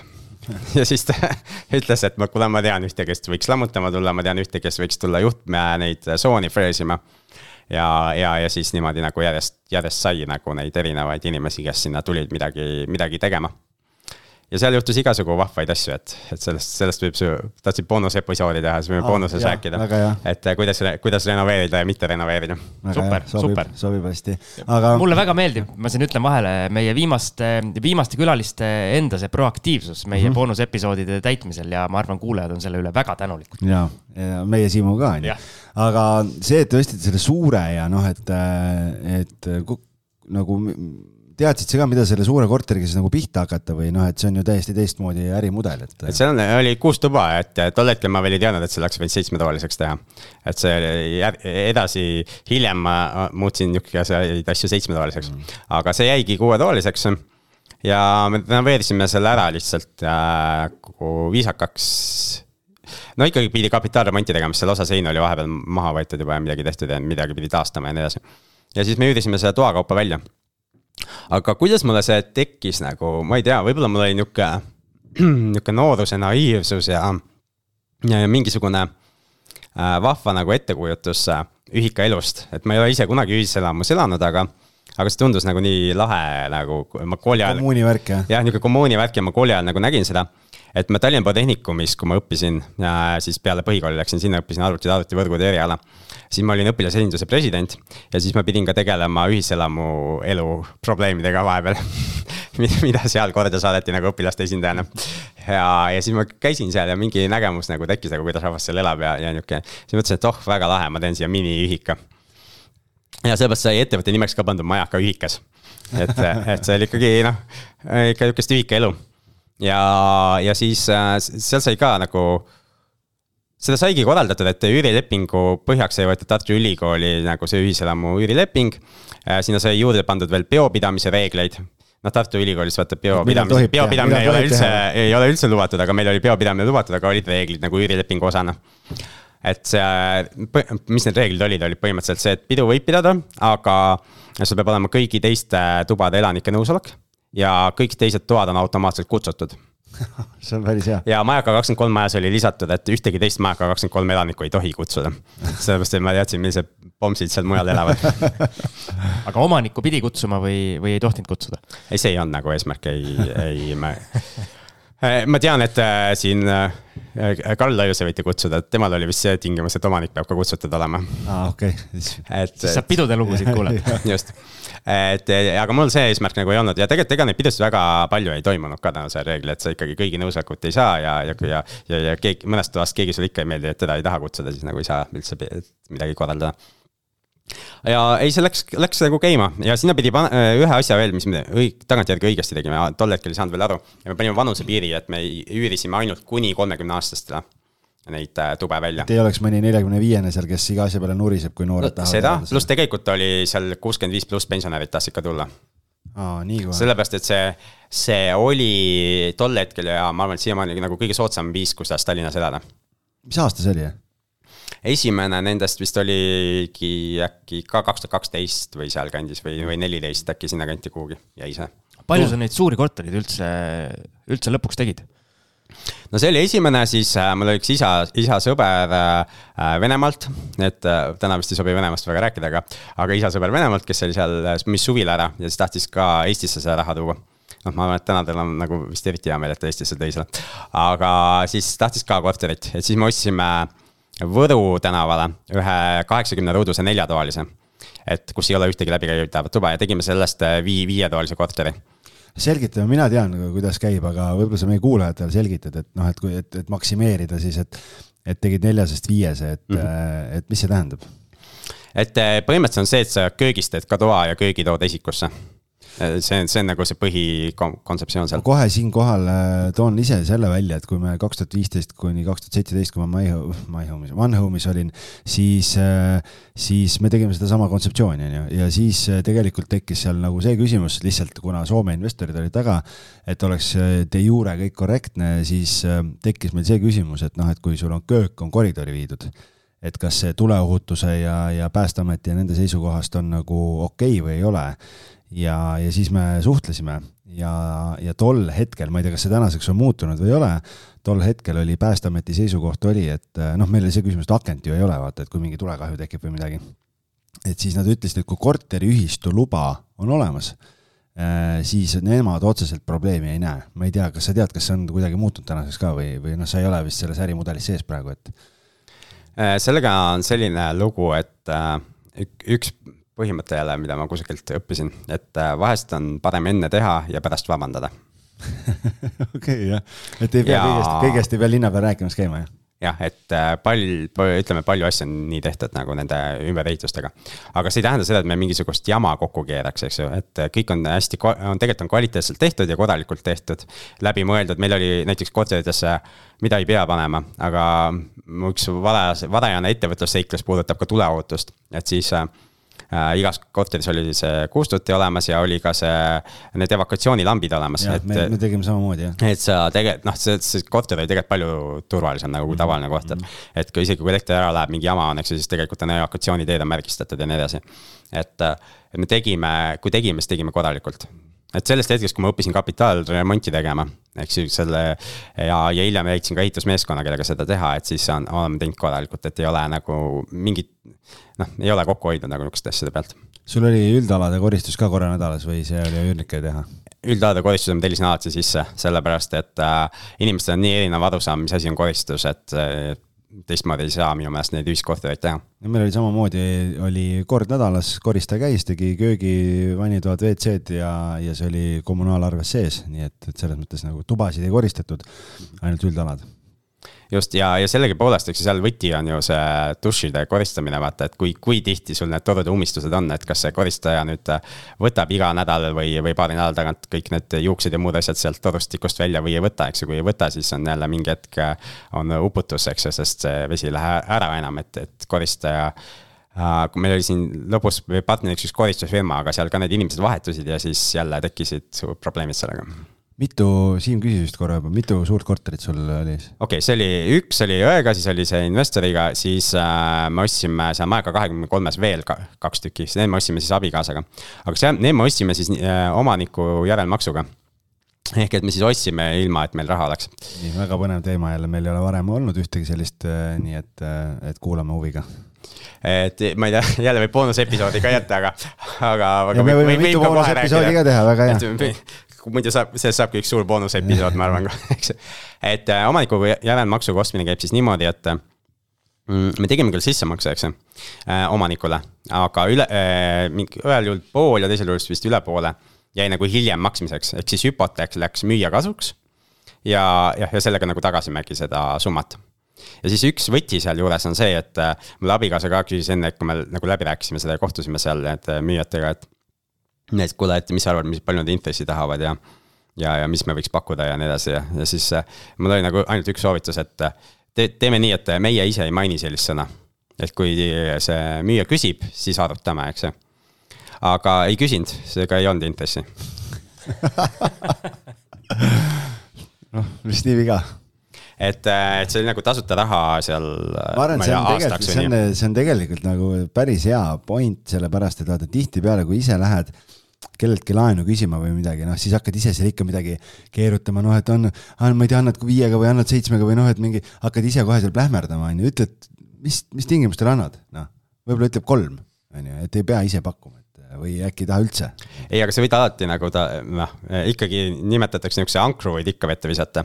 et kui intressist räägid, eks ju, et, et praegu vaata, ma ei tea, Coop pangas on praegu selline intress et noh, siis sellest nagu hakata koma. et kui inimene ei ole kunagi laenu andnud või, või üldse selliste teemadega kokku puutunud, et tal tekiks mingi tunnetus, et ahah, okei okay.. aga müüja harimine on ka hästi oluline seal, et et jät-, selle jätame küll boonusosasse, et äh, räägime seal läbi selle, et mis juttu müüjale rääkida, kuidas talle selgitada seda, et ta äh, tunneks ennast turvaliselt seda, äh, sellist tehingut tehes. no vaat, kus juubelisaatel kohaselt yeah. siin tuleb ikka, ikka nii-öelda kirssidega. kus saab boonusosadele ligi, algis? Patreon.com kaldkriips kinnisvarajutud. õige, mees on nagu papagoi selle selgeks õppinud. no siin sa iga kord küsid, et siis ei saa ju häbisse jääda, et jah, väike papp tuleb ka välja käia jah, natukene ja, jah, seal sümboolselt saad, töötate, siis saate kuulata kõiki neid põnevaid äh, telgitaguseid. ja, ja kusjuures äh, just äh, me tegime ära selle kevadloosi meie, meie toetajate hulgas ja, ja said ju kinnisvarajutud eksklusiivsed pusad äh, välja loositud. praegu ootan veel viimastelt inimestelt infot, et mis suuruses äh, ma pusad lasen teha, nii et võib-olla,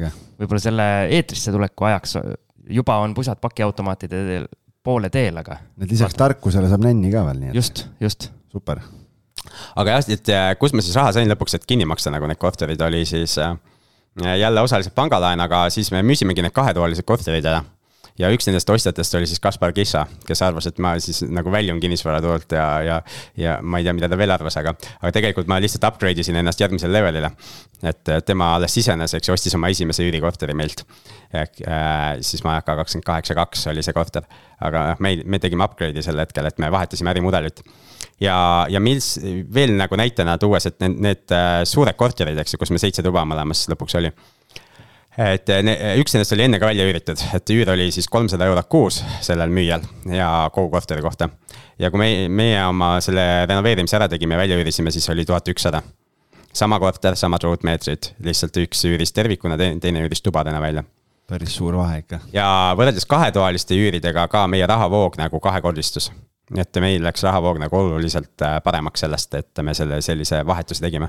mõtle Siim, kui sa nii mõtled, tuhat ükssada versus kolmsada on ju, mõtled noh, kaheksasada euri on ju, et tundub juba päris suur, aga korruta kaheteistkümnega see.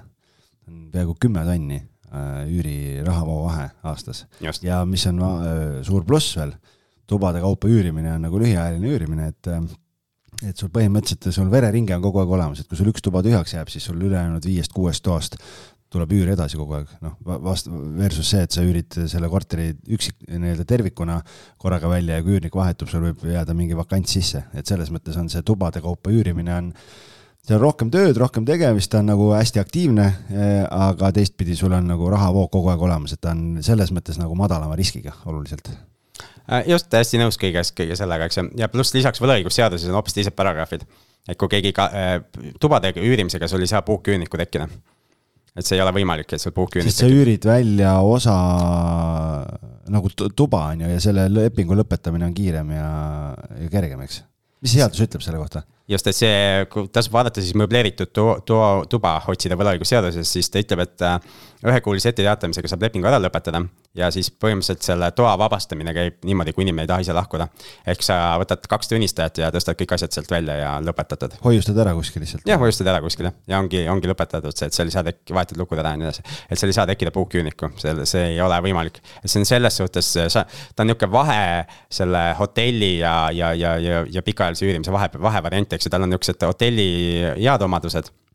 ja, ja, ja pikaajalise üürimise head omadused ka meil One Home'is oli, olid valdavalt nagu Erasmuse tudengid, kellele me teadlikult nagu suunasime, kes sul need peamised üürnikud olid seal? et tubades meie peamine sihtgrupp oli ikkagi noor töötav inimene, et tudengeid oli ka vahest, aga enamasti oli noor töötav inimene. mis on tegelikult parem veel. jah, et see oli seesama, et ma ütlen, me teenindasime Maxima klienti ja alguses seal Majaka kahekümne kolme ees ei olnud Maximat, aga siis see tuli ka sinna Maxima. et siis nagu seda enam oli selge, et see on Maxima klient siin.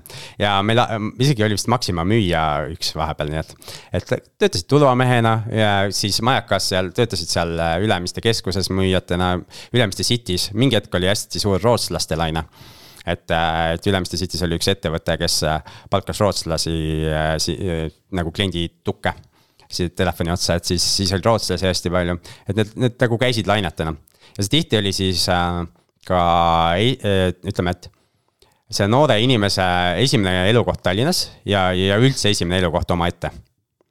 ja siis ta saigi oma rahaasju äh, äh, nagu korraldada. ja teine hästi lahe asi, mis mulle nagu tohutult meeldis tegelikult oli see. et kuna see oli nii soodne võrreldes muude elamisvariantidega äh,, siis äh, selle aja jooksul ikkagi, mis mul need korterid olid, siis ma ei tea, ma et üks kümmekond noort, kui nad ära kolisid ja ma küsisin, et, et miks, miks te ära lähete, siis nad ütlesid, et ma ostsin oma korteri. ehk nad said sissemakseraha kokku ja ostsid oma korteri. aa, et kuna oli nii soodne, siis nad said säästa? ja siis nad said säästa, just nimelt. et see oli nagu hästi lahe, et tegelikult see võimaldas neil säästa. aga siin algis natukene mainis ka, et kuigi äh, nii-öelda palju suurem rahavoog ja, ja kasulikum igas mõttes, aga tööd on rohkem kas te haldasite siis abikaasaga koos äh, ise seda kõike või mingil hetkel palkasite halduri ka peale? Äh, me alguses haldasime kõike ise ja siis oli haldur. Ja, ja raha pool ja arvete pool jäi alati meie kätte, et meil oli see, noh, kuna meil oli see raamatupidamisfirma kogemus ka, siis abikaasa tegi kogu aeg neid arveid iga kuu, et raha liikumine oli kogu aeg meie kontrolli all, et ma arvan, et see on nagu viimane asi, mida enda käest ära anda ja, aga haldur oli jah, et sama kinnisvaramaakler siis Kaia Kullat, et, et otsis meile uusi üürnikke ja siis tegeles ka haldusküsimustega. kuidas sa tänapäeval, just tänasel päeval siis näed, kas selline tubade kaupa üürimine, kas see on nii-öelda rentaabel ärimudel siiamaani?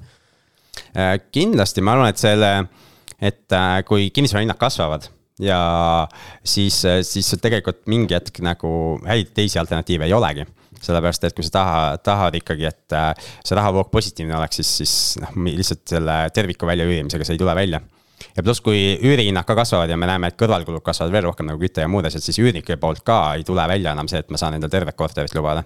et äh, tekib järjest rohkem neid inimesi, kes saavad endale pool lubada. Et me, noh, Eestis me näeme, ma arvan, et see on veel algusjärgus, et seda tuleb palju-palju rohkem aga lähed mõnda nii-öelda maailmalinna, eks ju, ma ei tea, New York, London, Berliin, eks ju. siis seal ikkagi vä väga palju inimesi elab toas. ja, ja noore inimesena nagu miks mitte, eks ju, elada, elada toas ja tõesti äh, säästa sealt kõrvalt ja, ja, ja panna nagu. noh, ja mingi hetk siis oma korter osta võib-olla või midagi muud, eks ju, mis iganes unistus on. no suurlinnades see mastaabivahe ikkagi hindades ja kõiges on nii suur, et ma just eile siin vanalinnas näitasin ühte korterit, on ju, üks UK-st Eestisse tulnud mees, mingi kuus-seitse aastat siin erinevates startup ides igal pool nagu töötanud ja ja ütles ka, et noh, et see hind, millega ta praegu võtab selle vanalinna korteri üürile, et noh, ta naeris, ütles, et ma Londonis saaks vannitoa, selle sama suuruse toa selle raha eest, on ju, et noh, et see on tohutu vahe ikka jah, et selles suhtes see tubade kaupa kindlasti nagu suureneb. muidugi üürnikuna, kui ma ei tea, kas keegi üürnikas ka kuulab seda podcast'i või mitte. aga ütleme, et kuulab, et siis üürnikuna muidugi oleks targem teha seda, et, et võtta kamp kokku ja, ja üürida üks korter mitme peale. et siis, siis tuleb veel suurem sääst. aga tihti need asjad kipuvad ka metsa poole minema kui ma, mu see esimeses korteris äh, oli ka, et kolm tütarlast siis üürisid selle kahetoalise korteri ja siis üks läks ära, siis neil tekkisid rahalised raskused. kohe, et, et nad ei leidnud kolmandat uut sinna, kes tahaks nende, nende kampa tulla. siis on natuke nagu nende kontrolli all või nende mure, vaata, aga kui sul on nagu tubade kaupa välja üüritav korter, siis see on sinu vastutada, läheb üürnik välja, sa tegeled ise sellega, et sinna uus leida, on ju. just, et üürnikul on elu lihtsam, eks ju, et mina hoolitsen selle eest, et teised oleks ja minul oli nagu see kommunaalkulud ja kõik asjad olid jagatud, et igal toal oli oma protsent nendest kuludest. ehk et siis, kui äh, ehk see ei mõjutanud nagu selle kellegi üürniku kulusid ei mõjutanud see kui mõni tuba tühi oli, et see oli puhtalt minu risk, ma tean, et osa teeb ka inimeste arvu järgi, eks ju, et siis, siis kulud võivad järsku hüppeliselt kasvada, kui näiteks osa tube tühjad on.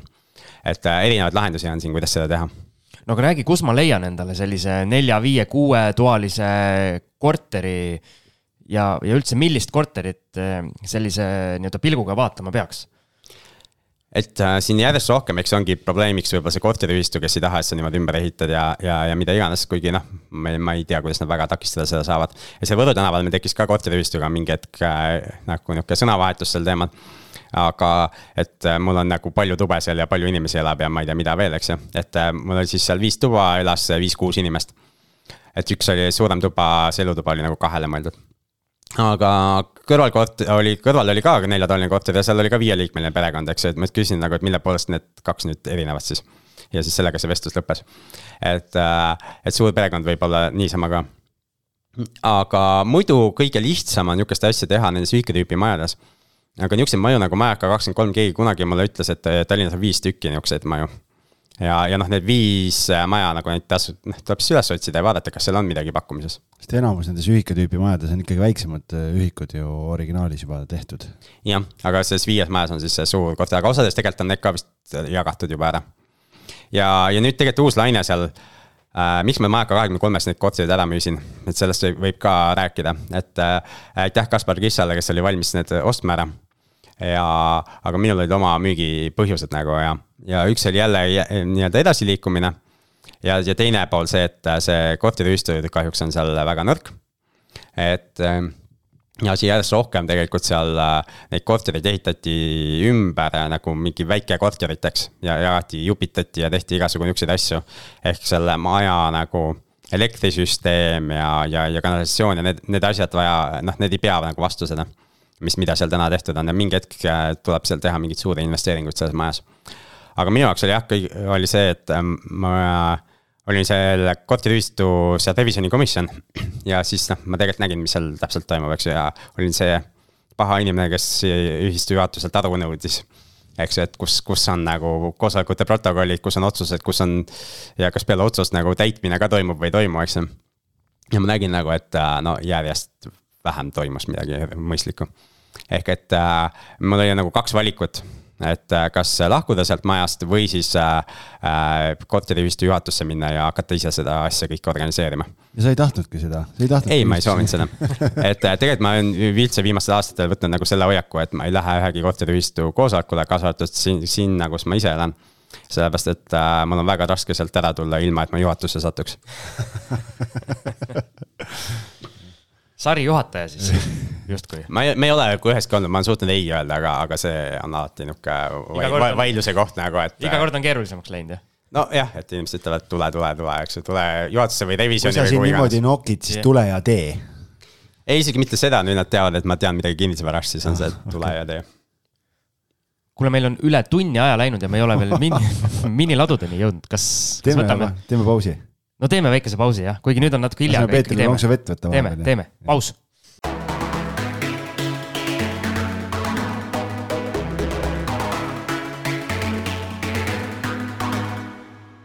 ja oleme väikeselt kõllipausilt tagasi ja Algis siin ei taha veel miniladude juurde edasi minna, et tal veel, veel kripeldab. mul kripeldab ikka jah, see finantseerimise pool, et ikka tahad Eesti inimeste rahakotis sobrada, et, et sa rääkisid enne, et noh, et need neli kahetoalist korterit, mis teil olid, et need olid ostetud sajaprotsendilise laenuvõimendusega ja, ja siis sa mainisid, et mingil hetkel nagu noh, hakkasid nagu valmistuma selleks, et, et, et oleks nii-öelda pehmem maandumine, kui midagi peaks juhtuma, et kuidas nende suurte korteritega oli? Et, et äh, suured korterid, noh nagu alguses oli see omaniku laen, eks ju, ja siis me müüsime need äh, kahetoalised ära, et sisuliselt me tegime selle vahetuse siis kaks kahetoalist ühe suure vastu. ja, ja siis äh,, ja siis seal oli see pangalaen ka ah,, ja siis vahepeal tegelikult me ostsime veel kontori juurde. Äh, kontori sai ka ostetud sada protsenti laenuga muidugi, nagu ikka, et äh, kõik asjad on sada protsenti laenuga. ja, ja siis kuidagi sai need koos seal refinantseeritud pangas aga kontori põik, põiget tehes, et äh, leidsime siis äh, ühe seisva pinna ja hästi hea tehing oli nagu ruutmeetri hinnaga ja siis renoveerisime selle ära ja kasutasime seda kontorina. ja äh, praegu peab küll ütlema, et keegi hoiab mind. et me müüsime selle siis ära paar aastat tagasi. ja mul on, meil on väga hea meel, sellepärast et hiljuti oli Tallinnas suur tulekahju. eelmine nädal. Just. Pae tänaval just, see meie kontor asus Pae kakskümmend viis ehk selle maja esimesel korrusel, mis siis äh, põles lahti, lahtise leegiga. ehk et see maja, ma saan aru, et on kasutuskõlbmatu tänaseks, ehk et meil oleks äh, olnud nagu päris huvitav olukord jah, seal just äh, kodus tuli juttu, abikaasa ütles, et tal tädi töötab hambatehnikuna, ühesõnaga mingid teevad proteese ja mingeid asju ja neil seal oli ka nende see ettevõte seal ja, ja täpselt nende põlenud korterite all, nii et veekahjustused ja asjad ja ei tea ka, millal uuesti saavad hakata tööd tegema seal, et seal jah, päris suuremahuline see tulekahju oli. just, ja sa võid Kaspar Kissaga ka teha boonusosa, et tal oli ka kortereid seal. aa, okei okay., no vot, siis peaks Kaspari käest küsima, kuidas tal läheb seal, et loodame, et kõik hästi, et. just, aga see hoone tõesti põles lahtise leegiga, et ma elan äh, lähedal Valgel tänaval ja me nägime nagu seda leeki, et see ikka põles ikka niimoodi, et põles. et sihukest tulekahjut ma ei tea, et oleks väga olnud nagu kortermajas no kahju, kahju. aga see, aga jah, et äh, finantseerimisest, et siis äh, kõik sai ostetud nagu sada protsenti laenuga, et siin. ja siis äh, refinantseeriti nagu lõpuks siis pangalaenu peal ja, ja kuidas see pangalaen nagu tekkis, siis oli sellest, et renoveerimises tekkis siis kapitali kasv, ehk seda nimetatakse siis inglise keeles on forced equity ehk sunnitud kapital tekkis. Ehk et sa ise teed midagi ja muudad asja väärtuslikumaks ja tänu sellele siis äh, äh, ei pidanud nii palju enda raha sinna äh, panema ja, ja sai siis lõpuks pangalaenu peale ja siis tegelikult see, needsamad äh, ütleme, see kontor ja need suured korterid, eks ju, need genereerisid nii palju üüri, et siis laen läks muudkui järjest väiksemaks, väiksemaks, väiksemaks, eks ju, kuni, kuni seda eelmine aasta, kui ma müüsin need suured korterid ära, siis ühel ei olnud üldse laenu enam alles ja teisele oli ka suht vähe laenu alles. Okei okay no väga hea. said aga..., said vastused? sain vastuse, sain vastuse, väga hea. ja kui on ettevõtte laenud, siis vaata laenumaksed on päris kiired ka, sellepärast et graafiku pikkus ühel oli seitse ja teisel kümme. ehk siis see maksmine toimub nagu väga kiires tempos. noh, päris hea, motiveeriv, et saad kiiresti varaomanikuks on ju, lihtsalt äriplaan peab nii tugev olema, et suudad maksta ka mm -hmm.. kuule, aga tuleme nüüd sinna miniladude juurde on ju, ja, ja paar aastat tagasi hakkasid sa hästi aktiivselt promoma ühte miniladude projekti Peetris mitte paar aastat, vaid see oli siis kaks tuhat kakskümmend lõpp, eks ju. noh, jah, okei okay,, poolteist aastat tagasi või noh, nii-öelda.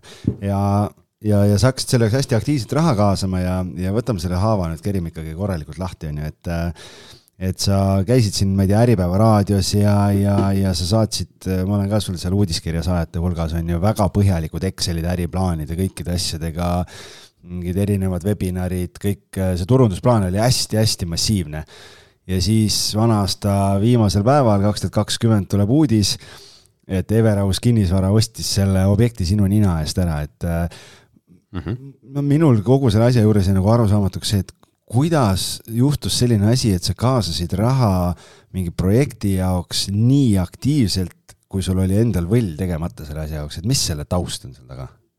okei okay., et äh, sinna listi esiteks, kes tahab saada, eks ju, las kirjutab yeah. mulle, et siis saab ka sellesse listi, kus algis on ja saab järgmise äriplaani ka. et ja saab järgmises ühisinvesteeringus osaleda, kui, kui soovi on. aga see taust on nagu, või ütleme, et ma olen tahtnud äh, siis pikka aega sihukest ühisinvesteerimist teha. et äh, ja miks, eks ju, et mitte sellepärast, et mul seda vaja oleks mul ei ole vaja seda, ma võiks vabalt nagu palju rahulikumalt elada ilma nende ühisinvesteeringuteta aga seesama cashflow mängimise ja koolitustega ma olen nagu näinud, et väga paljud inimesed ei saa kuidagi liikuma, ei saa oma esimest tehingut tehtud. ja, ja ei, noh, aastaid käivad ja ei saagi kinnisvarasse investeeritud ja siis äh, see, sellest tuli missioonist, et aidata siis neid, neid inimesi, eks ju. ja siis sai, oligi see mõte, et tuleb noh, pakkuda välja siis nii-öelda valmis lahendus, kuhu saab siis lihtsalt osaleda, et tuhande euroga sai juba sisse tulla, eks ju ja, siis me hakkasime otsima nagu, ma olen kortermaju läbi arvutanud ja numbrid ei tule kokku, ei saa nagu. ja igasugu asju arvutanud, arvutanud, arvutanud. ja siis äh, kaks tuhat üheksateist me käisime äh, kinnisvarainvestorite kogukonnaga. Mm, mida ma siis vean ja millest me vist jõuame ka rääkida. Äh, käisime siis Soomes Valgeangoskis ja siis tutvusime seal miniladudega ja seal miniladude omanik on siis Joel Järvela hea sõber Äh, so, ja, ja tema, tema jagas meiega kogu oma äriplaani, kõiki numbreid ja kõiki muid asju ja jagas ka seda soovitust, et, tehke. et niikuinii keegi teeb, et tehke teie. ja, ja siis äh, minul tekkis nagu see mõte, et oh, teeks. ja, ja siis ma hakkasin, äh, meil tekkis üks hoone ka kohe, et kuhu võiks seda teha. ja siis me hakkasime neid hooneid järjest arvutama esimene hoone, mida me arvutasime, on seal Vürdi kõrval neljakordne maja, mis tänaseks on nüüd äh, keegi ära ostnud. seisis kümme aastat umbes seal. jah, seisis kümme aastat jah. et äh, tänaseks on see ära ostetud ja sinna on tehtud siis sihuke büroohoone ja nii edasi, et esimene me mõtlesime, et teeme see kogu selle hoone minilaoks. aga selle num-, noh see eelarve läks seal kusagil vist oli nelja miljonini või midagi sellist. ja, ja kui sa hakkad raha kaasama, tegelikult see kehtib laenude kohta ka ja siis sa pead väärtpaberituru seadust lugema, sellepärast et sa müüd väärtpaberit, sa müüd nagu laenulepingut või sa müüd siis osalust. et meie üks minu otsus oli ka see, et ma kaasan osalust, et kõik saavad omanikuks ehk et äh, siin Jaak segas vett, eks ju, ja ütles, et meie see nii-öelda tootluse lubadus on äh, madalam kui tema laenuintress. eks ju, aga laen ja, ja osalus on kaks eri asja. et laenu puhul see intress ongi see maksimum, mida sa võid saada.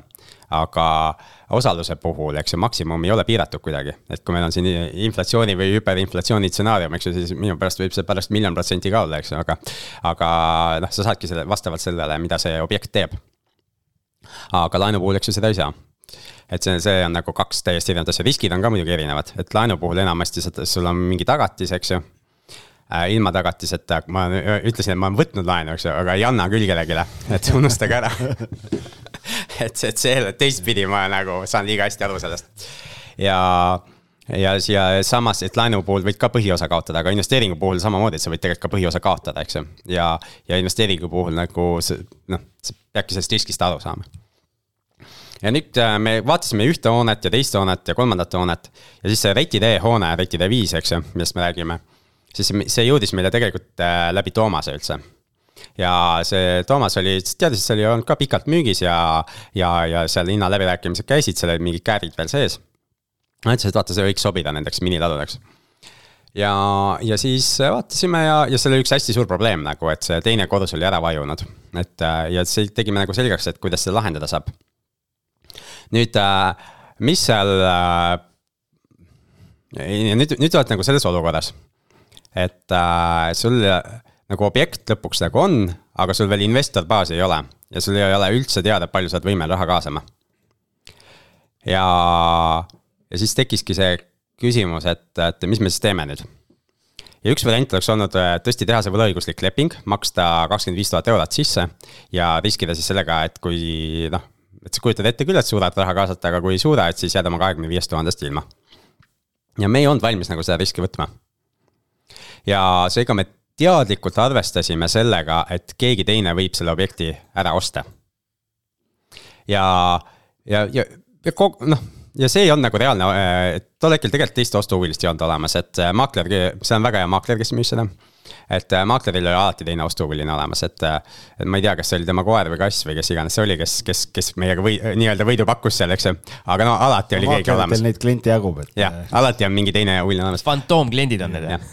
aga see Everaus või Jaak nagu läksid siis selle õnge, et äh, nad tegelikult Nad teadsid, mis hinnaga me saame seda osta, aga nad läksid, läksid ja maksid nagu kuuskümmend tuhat lihtsalt peale lambist.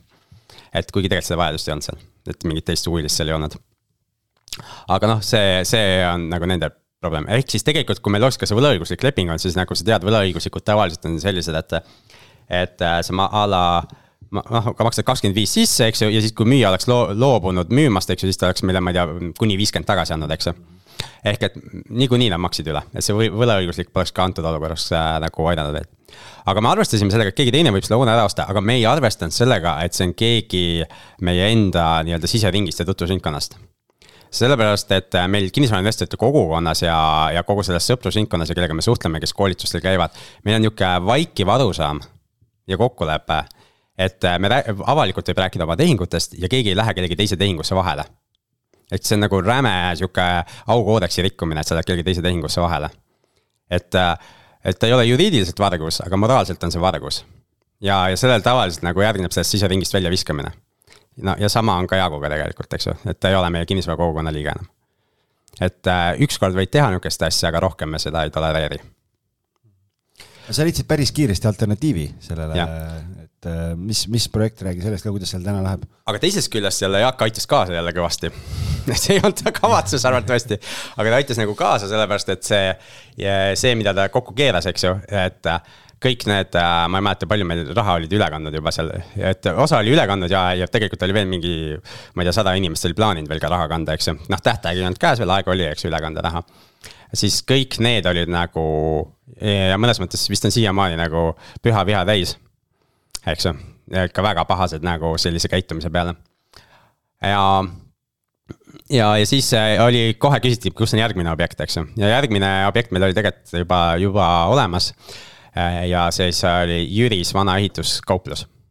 et siis äh, Siim, sina tead, kus on? ma elan sealt paarsada meetrit eemal, ma tean väga hästi, sõidan iga päev mööda. no sa oled kümme aastat oled mööda sõitnud sellest ja kogu aeg oli müüjasilt seal peal, eks ju. oli, oli. et, et see põhimõtteliselt ei olnud kel- nagu ka avalikus müügis olnud väga pikalt, et pankrotti läinud pood ah,. mis selle Jaagu asja veel üks, üks asi, mis selle teeb nagu moraalselt nagu väga valeks, mida, mida Everhouse'i tüübid tegid, on see, et äh, okei okay,, tehke siis ausalt nagu oma äriplaan. ei, nad võtsid minu äriplaani ja seal olid nagu mingid küsimused neile, et äh, meil oli äh, Jaak potentsiaalse investorina helistas mulle ja ja tegi nagu, ma ei ütle, noh, see ei ole mitte ülekuulamine, aga lihtsalt küsis nagu hästi detailselt veel äh, kõiki hoonega seotud küsimusi. ja loomulikult mul oli kõigile vastused, põhimõtteliselt ma andsin talle nagu kandikul valmis projekti, eks ju, ette. ehk et äh, nagu noh, nihuke eetiliselt ja moraalselt nagu ülialatu käitumine. aga kõigest sellest siis oli kasulik, eks ju, lõpuks ja, ja kasulik oli ka see noh, Äripäev tegi sellest ka jätkuloo ja nii edasi, eks ju. et äh, ütleme, et mõne inimesega sa saad olla nagu tülis ja ütled, et ma rohkem ei suhtle elu sees, eks ju ka,, kahjuks või õnneks Jaak on nagu piisavalt laia mõjuvõimu ja, ja mõju ulatusega. et äh, minul sellist luksust ei ole, et öelda, et ma temaga rohkem ei suhtle. et äh, nüüd nädalavahetusel käisin ta raamatu esitlusel ja, ja, ja naeratame koos sama pildi peal edasi. Vägev. et, et äh, aga mingite teiste inimeste puhul oleks see tähendanud, et me elu sees ühtegi sõna ei vaheta enam. aga nüüd Jüri projekt, eks ju Siim tahtis küsida ja midagi. minu jaoks on see huvitav, et äh, ma ütlesin, et ma sellest Jüri, Jüri projektist elan paarisaja meetri kaugusel ja samas see retitee seal äh, ühes teises Everhouse'i, Everhouse'i majas on lastehoid, kus mu lapsed. see on seal kõrval kohe. Paar maja edasi jah mm. -hmm., jah, et äh, mul seal lapsed on käinud, nii-öelda kõik lapsed praegu veel nii-öelda poisid käivad, et äh, sõidan sealt ka hästi tihti mööda, et hea on nagu, hea on nagu vaadata. ühele trassile jäävad mõlemad need äh, nii-öelda kurikuulsad objektid, millest Eesti finantsmeedia siin aastate jooksul on saanud päris, päris korralikke lugusid teha. no eks me andsime mõlema tagu alla, eks ju, et, et tegelikult lõpuks see, kui oli selge, et see konflikti koht on, eks ju, et siis äh,. ütleme, et see oli meil omavahel koordineeritud meedia ka- ärakasutamine. et äh,, et me nägime, et seal on võimalus nagu saada mingid jätkulood, mõlemad saavad tähelepanu. ja, ja et see nagu tööt-, töötab mingil määral nagu mõlema kasuks kogu see, et kõik said teada nagu, et sihuke- sihukestesse kohtadesse need minilaod tulevad aga Jüri jah, et äh, ostsime siis selle ära, me ostsime, pidime ostma ka kõrval oleva krundi ära. Ja siin tulid minu Soome partnerid mängu, et äh, need, nemad äh, laenasid siis selle kõrvalkrundi osturaha. ja, ja siis äh, see lad-, ladude hoone või hoone saime siis selle jaoks oli vaja nelisada viiskümmend tuhat ja kokku oli seitsesada kaheksakümmend neli tuhat, mis me kaasasime nagu sellesse projekti. ja seal on sada kuuskümmend investorit, kõige vähem on siis tuhande euroga inimesed sees ma olengi tuhandega sees. Sa oled tuhandega sees, väga hea. et, et sai tuhandega sisse tulla ja kõige suurem investor on siis saja neljateist tuhandega sees ja siis tema isa pani ka sada tuhat, nii et kakssada kakskümmend neli tuhat, kakssada neliteist tuhat tähendab, on ühest perekonnast siis. ja minu enda isalt on ka viiskümmend tuhat ja, ja nii edasi, minult endalt on ka kuus tuhat seal. ei- sellepärast panin eh, puhtalt, ütlen tuhat, et mul see kuidagi see äriprojekt või kuidagi see ei personaalselt kuidagi kõnetab, ma mõtlesin, ma tahan lihtsalt olla selle protsessi sees, ma tahan mm -hmm. näha, kuidas need asjad käivad, et. Jah. Ja see on okei. pool tundus kõik nagu hästi põnev. Ja miks ja teine pool, mida ma unustasin mainida, miks niisuguseid projekte teha, eks ju, on see, et äh, mulle meeldib see Robert Kiyosaki tsitaat, et äh, äh, nagu laisad investorid investeerivad enda rahaga. ja, ja ülejäänud investeerivad teiste rahaga ehk et äh, kui sa, kui sa oled nagu laisk inimene, siis kasutad enda raha ja muidu kasutad teiste raha, et siis tegelikult mul see siht ja eesmärk oli nagu see et äh, mis tekitas nagu selle esimese kaasamisega ka segadust, eks ju, et ma nagu avalikult ütlesin välja, et noh, mina oma raha sinna ei pane. Eks ju, aga et ma kaasan kõik teiste raha, et see oli nihuke nagu, ma ei tea, hasart, et kas ma saan siis kaasata teiste raha või ei saa. jah, eks see natukene pani nüüd teise projekti kuus tuhat eurot ja äh, isiklikku raha, aga noh, isa raha ka ja nii edasi. et, et see ka, et ma olen siis aktiivne, aktiivne investor, täna aktiivselt haldan seda poolt ja, ja kogu seda projekti, et mul on kaks küsimust siin.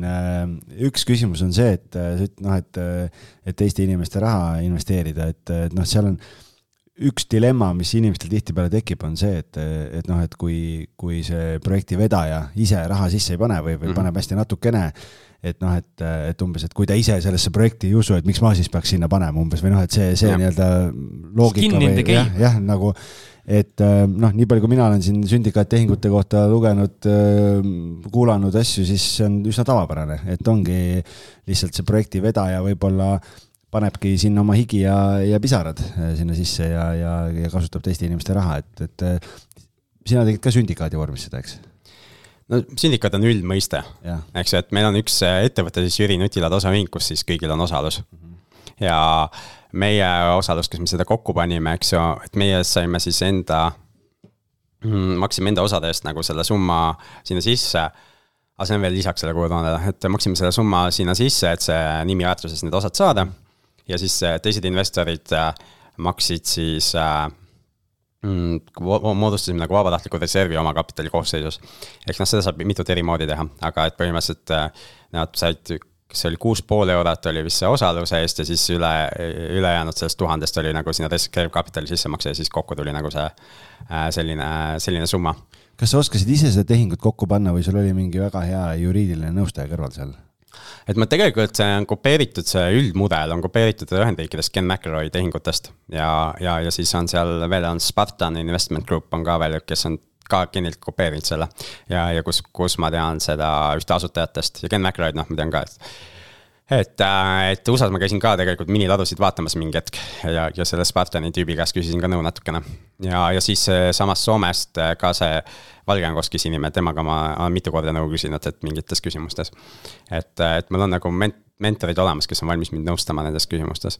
aga see risk on tegelikult tõesti väga suur sellega, et ma ei, ma ei taha öelda, et see tegelikult niisama lihtne on et see, meie enda meeskonnas ka nagu see tööjaotus on muutunud, et äh, alguses äh, mina pidin olema, tegelema siis noh, kogu müük ja turundus ainult, eks ju, ja hoonehaldusega pidi teine inimene tegelema. aga teine inimene tegeles sellega niimoodi, et need kulud olid nagu ebamõistlikult suured, et äh, sa algis sa iga eelmise aasta viimase kvartali aruande, eks ju, kus oli a la küttekulu oli kolm korda suurem, kui pidi olema ja nii edasi. et äh, nüüd varsti saad järgmise kvartali aruande, et siis äh, näed, et kütte, küttekulu juba hakkab äriplaani mahtuma. Peeter käis rehaga üle. jah et, et ma võtsin hoonehalduse üle nüüd selle aasta esimene kvartal on nagu mul nagu sadu tunde kulunud selle peale, et hoonehaldus üle, üle võtta ja et aru saada nagu, kuidas hoone töötab kuidas töötavad ventilatsioonisüsteemid, küttesüsteemid ja nii edasi. ja miks mul on seda lihtne teha? et äh, ma mingis, mina isiklikult mingisugust tasu ei saa selle eest, et üldse ei selle projekti kokkupaneku eest, äh, ei haldamise eest, mitte millegi eest ma ei ole mingit raha saanud äh, siiamaani veel, eks ju, et ja mis see point on, eks ju, seal oli vaata see projekti kokku sponsori tasu, eks ju, selle me investeerisime kõik tagasi, et kodulehte ehitada ja kõike muid süsteeme üles ehitada. et me pigem panime veel soomlastega juurde siia kaks, kakskümmend tuhat nagu sinna kapitali, et, et kogu seda asja käima saada. aga, et siis mul on lihtne teha nagu palju tunde tööd, et niikuinii tasu ei ole, siis ei pea mõõtma nagu neid tunde aga seal, mis see, mis see meie uba või boonus on, on siis see, et, et me saame äh, siis äh, ütleme, et kõigepealt peavad investorid saama oma raha tagasi ja siis kasumist saama seal nii, et neil oleks vähemalt seitsmeprotsendine tootlus. ja siis ülejäänud jaotub siis meie ja investorite vahel ära.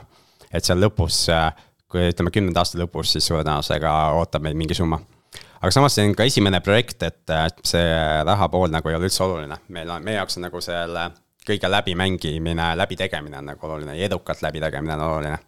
Ja no kuna sul on oma kogukond ka, siis tegelikult see on, et sa nagu kaasad inimesi ja kõik saavad tegelikult õppida tänu, tänu sellele kogemusele, et. et edasi on kinnisvarainvestorite kogukonnas ja ka reedeti tihti, kui küsitakse, siis ma jälle räägin, kuidas läheb ja mis juhtub ja kuidas ma võlglasi taga ajan ja. aga kuidas, nagu... kuidas läheb täna, räägi lühidalt siis võib-olla, et mis seis on praegu sellega? et äh, enam-vähem äriplaani järgi läheb, eks ju, noh, ütleme, et äh, tegelikult ei lähe mitte miski äriplaani järgi mitte kunagi aga ütleme, et see suund on nagu see, mis, mis, mis, mis see mõte oli nagu. Et äh, vaikselt jõudime välja.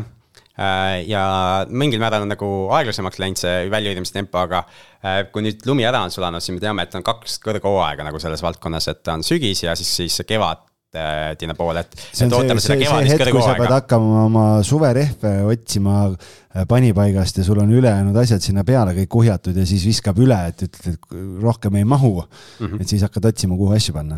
või on remondid hakkavad pihta, inimesed hakkavad remonte tegema ja igasugu muid korrastustöid, siis otsivad nagu sihukest ajutist peapaik kohta, kuhu asju tuua ja siis erinevad ettevõtted ka, kes vajavad ladu.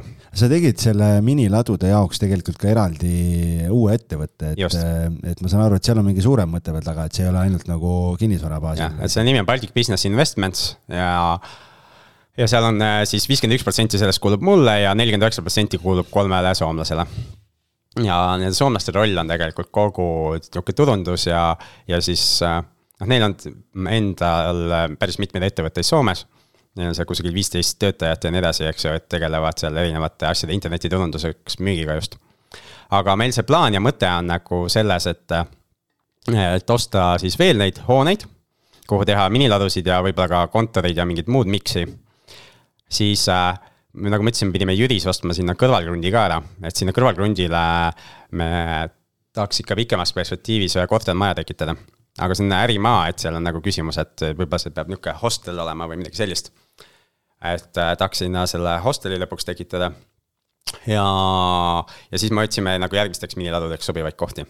ja siinkohal nagu võib-olla ongi üleskutse ka, et, et tulge kampa, sellepärast et äh, meil tegelikult on üks äh, Tallinnas ka üks hea objekt nagu, mida vaadata, aga selle eelarve on seal läheneb, ütleme siis kahele poole miljonile, et on vaja, et, et saada hea ruutmeetriga mingisugust suurt pinda kätte, siis on vaja ikkagi päris noh, ütleme mitu miljonit kokku saada mingi hetk oli sul seal Jüri miniladude ees parkimisplatsil ka see Bolti ja Citybee'de värk, et mis sellest asjast sai, see kuidagi sumbus ära või? Äh, seal äh, jah, selle, seal sai see, et äh, vaata Citybee tuli Jürisse, eks ju. ja, ja siis Bolt tuli, tahtis ka sinna tulla ja siis Rae vald keelas nagu vallamaadel parkimise ära. ja siis ma võtsin nendega ühendust ja, ja, ja pakkusin neile, et äkki tulete pargite meie juures ja maksate parkimistasu ka. ja, ja siis nad tulidki mõlemad ja maksidki mingi, mingi aja aga nad, nende suurim etteheide siis Jüri elanikele on see, et te sõidate liiga vähe. ja, ja kui neil nüüd siin äh, jõulud ja aastavahetus ja sellel perioodil tekkis autodest Tallinnas puudus, siis nad põhimõtteliselt äh,. Bolt pani täiesti kinni ennast seal, ütles, et me ei too ühtegi autot sinna enam ja, ja kes auto sinna viib, saab mingi rämeda trahvi maksta, eks ju, kasutajana. aga, aga Citybee'ga meil lõpuks jäi ikkagi see jutt, et äh, et nad või, et nende Citybee autosid võib sinna parkida, et nad täna, täna mingit tasu ei maksa selle eest, me panime nagu tasu maksmise pausile, aga lihtsalt, et Jüri elanike huvides ma ütlesin, et võivad edasi parkida seal. ja teatud mõttes töötab turunduse mõistes ka, et kui kogu aeg sinna-sealt võtad või sinna viid autot, et mm. siis jääb võib-olla meelde, et. no viid oma kola Citybee'ga viid sinna nutilattu ära ja jätad auto kohe parkimisplatsile, kõnnid ise kaks kätt, kaks kätt taskus minema, mis saab parem olla jah, et seda, seda on ka mõned inimesed teinud, aga, aga see, tegelikult see on üllatavalt vähe, aga, aga on ka seda, eks, et. et jah, et me luba, lubame neil seal parkida, et meil praegu see krunt ongi tühi, ootab ju seda, et me kunagi hakkaks seda hostelit või mis iganes asja sinna tegema selle, selle maa peale. kuule, aga sa ju mingi aeg tegid ka sa võid mind parandada, kas kaksteist äh, kinnisvarakoolitust või sellist väga põhjalikku mm -hmm. kolmepäevast äh, koolitust. Äh, ja, ja sellest on nüüd ka valgusaastad juba möödas, millal see viimane oli, et miks sa selle ära lõpetasid? et ma tegin neid äh, jah, koolitusi, eks ju. esimene koolitus oli äh, veel, me tegime kunagi Cashflow metsas formaati ja, ja siis tuli sinna esimene kinnisvarakoolitus ka, siis sinna mahtus vist kakskümmend üheksa inimest. ja siis äh, müüs nagu mingisugune kahe tunniga välja ennast kaks tuhat kümme aastal, et Ergo mõttusega koos tegime seda. ja siis äh, see oli, vist oli nädalavahetus ja siis mängisime seal ma ei tea, pool päeva cashflow'd ja siis äh, mina rääkisin, kuidas esimest korterit osta ja Ergo rääkis siis, kuidas esimest kortermaja osta. ja, ja siis sihuke koolitus oli nagu kaks päeva ja, ja siis me kordasime seda ja siis kasvas muudkui. ja, ja siis kasvas ja kasvas ja viimane, mida ma korraldasin kaks tuhat kuusteist, oli kaheteistkümnes kinnisvara koolitus ja siis seal oli kolmsada kakskümmend viis osalejat. ja Tallinnas nagu selles formaadis leida ruumi, kus, kuhu kolmsada kakskümmend viis osalejat ära mahub tegelikult mul oleks olnud, rahaliselt oleks palju kasulikum olnud teha kahesaja osalejaga koolitust, sest siis oleks saanud olümpias teha, meil oli olümpias tegelikult ruum kinni. ja siis oli küsimus, et kas teeme suuremaks või ei tee. ja, ja siis tegime suuremaks, aga kui suuremaks lähed, siis pidi juba kõik äh, lauad, toolid, kõik asjad eraldi rentima, eks ju. ja, ja ruu-, noh, ühesõnaga kõik kulud läksid nagu hüppeliselt suuremaks ja ma ütlen, mida aeg edasi, seda vähem mulle risk meeldib, vaata, et kuskil ütles, et ühe korra pead rikkaks saama elus, eks ju. Et äh, ma ei tunne, et ma täna rikas oleks, aga, aga mul on nagu, on mida kaotada. et siis mulle ei meeldi risk enam. ja, ja ma selle kolmesaja kahekümne viiesega, noh, see riskid läksid suureks selles mõttes, et äh, äh, kui sa osalesid ka mõnel sellel kahjuks ei, et, et ma tahtsin tulla sellel kahe tuhande kuueteistkümnenda aasta omal mm -hmm. ja ma, mingi asi oli seal nädalavahetusel ees ja ma jäingi, jäin ilma jah. jah, et äh, mina olin siis need kaks pool päeva seal ruumi ees, eks ju. ja nädal aega enne ma olin haige täpselt, eks ju, ja siis mul järsku jõudis nagu need riskid kohale. aga ma mäletan, mul oli, ma riske maandasin ka, tead, kus ma maandasin või? Äh, refleksoloogid, äh, igasugu muud tegele-, äh, massöörid. ühesõnaga nihuke füüsiline ettevalmistus oli, mul oli nagu refleksoloogiaga on võimalik näiteks külmetushaigustest hästi kiiresti lahti saada vajadusel või vähemalt alla suruda need. et siis äh, igasugu niisuguseid inimesi oli mul seal nimekirjas, siis veel mingid energiatega tegelevad äh, naisterahvad ja, ja olid ruumis ja nii edasi. kes äh, põhimõtteliselt, kui oli mingi pikem paus, siis äh,, siis võeti mind füüsiliselt ette ja lükati jälle nihuke, et energia maksimum jälle oleks nagu ja, ja, ja noh, ja, ja niimoodi ma viisin nagu selle läbi, eks, aga ma nägin, et see, et see võib nagu metsa minna. ja põhimõtteliselt numbreid olid tol hetkel vist niimoodi, et mm, müügitulu oli vist kuuskümmend tuhat pluss käibemaks ja kulud olid kolmkümmend tuhat pluss käibemaks, et mõtled, et nagu ühe nädalavahetusel kolmkümmend tonni plussi, et juhu. aga see kolmkümmend tuhat kulusid olid sellised, et kui ma ei oleks saanud seda üritust läbi viia, siis ma ei oleks tagasi saanud seda kolmekümmet tuhandet et siis mul oleks olnud nagu kolmkümmend tuhat kulusid pluss kuuskümmend tuhat tagastamisele minevat raha et siis, ups jah, et see on käsi kullas või, või jah, et. Äh, et see, see üritustel nagu riskid. ja teine asi oli see, et siis ma olin tuttav juba nende soomlastega, äh, kellest me, Joona ja Timo, kellest ma siin palju räägin. ja me tegime, nemad õpetasid mulle, kuidas internetikursuseid teha või internetikoolitusi teha. ja noh, tol hetkel ma veel nii hästi neid ei teadnud, siis see oligi see otsustamiskoht ja ma läksin nendega nagu kaasa. et ütlesid, okei okay,, et viis tuhat euri ja nad kirjutavad mulle valmis müügitekstid ainult müügitekstid, mitte midagi muud ei ole, sisu pead ise tegema, süsteemid pead ise tegema, aga nad kirjutavad valmis mulle müügitekstid. ehk siis maandumislehe ja kolm emaili ja viis tuhat eurot. ja siis mul oli nagu, mõtlesin nagu, et hmm, viis tuhat eurot on mingid tekstid. aga mõtlesin, et okei okay,, et teeme ära ja, aga sellega läks nagu väga hästi. ja, ja, ja siis maksukoolitus oli esimene, mille ma tegin mm,. ja, ja siis tegime kinnisvarainvestorite kogukonna ja kinnisvara alustajate videokoolitus on ka olemas. ja, ja, ja siis äh, ma vaatasin, et see videoformaat töötab nagu paremini ja võib-olla need kinnisvarakoolitused mind esitasid nagu selles mõttes ära, et äh, see oli hästi erineval tasemel inimesi, olid algajad ja edasijõudnud ja kogu aeg oli see konflikt, et mm,. ja lõpus oli see, et edasijõudnud ei viitsinud isegi tulla nagu esimeseks päevaks, sellepärast et äh, ei viitsinud kuulata seda algajate juttu ja, ja mina ka kogu aeg seda algajate juttu uuesti mõtlesin, et äh, mulle ka aitab, eks ju, et äh, salvestan ühe korra ära ja siis äh, vaadake ise, millal tahate. et ja, ja, ja tegelikult see osutus nagu väga kasulikuks, et tõesti inimesed tahavadki ise vaadata siis, kui neile sobib ja, ja sealt ja siis jah, internetikoolitus sai nagu alguse. ja see tegelikult kinnisvarainvestorite kogukonnas on ka praegu ka üle kolmesaja inimese. vaatasin jah, et see on päris kiiresti kasvanud sul, et, et ma olen ise seal kogukonnas sees ja.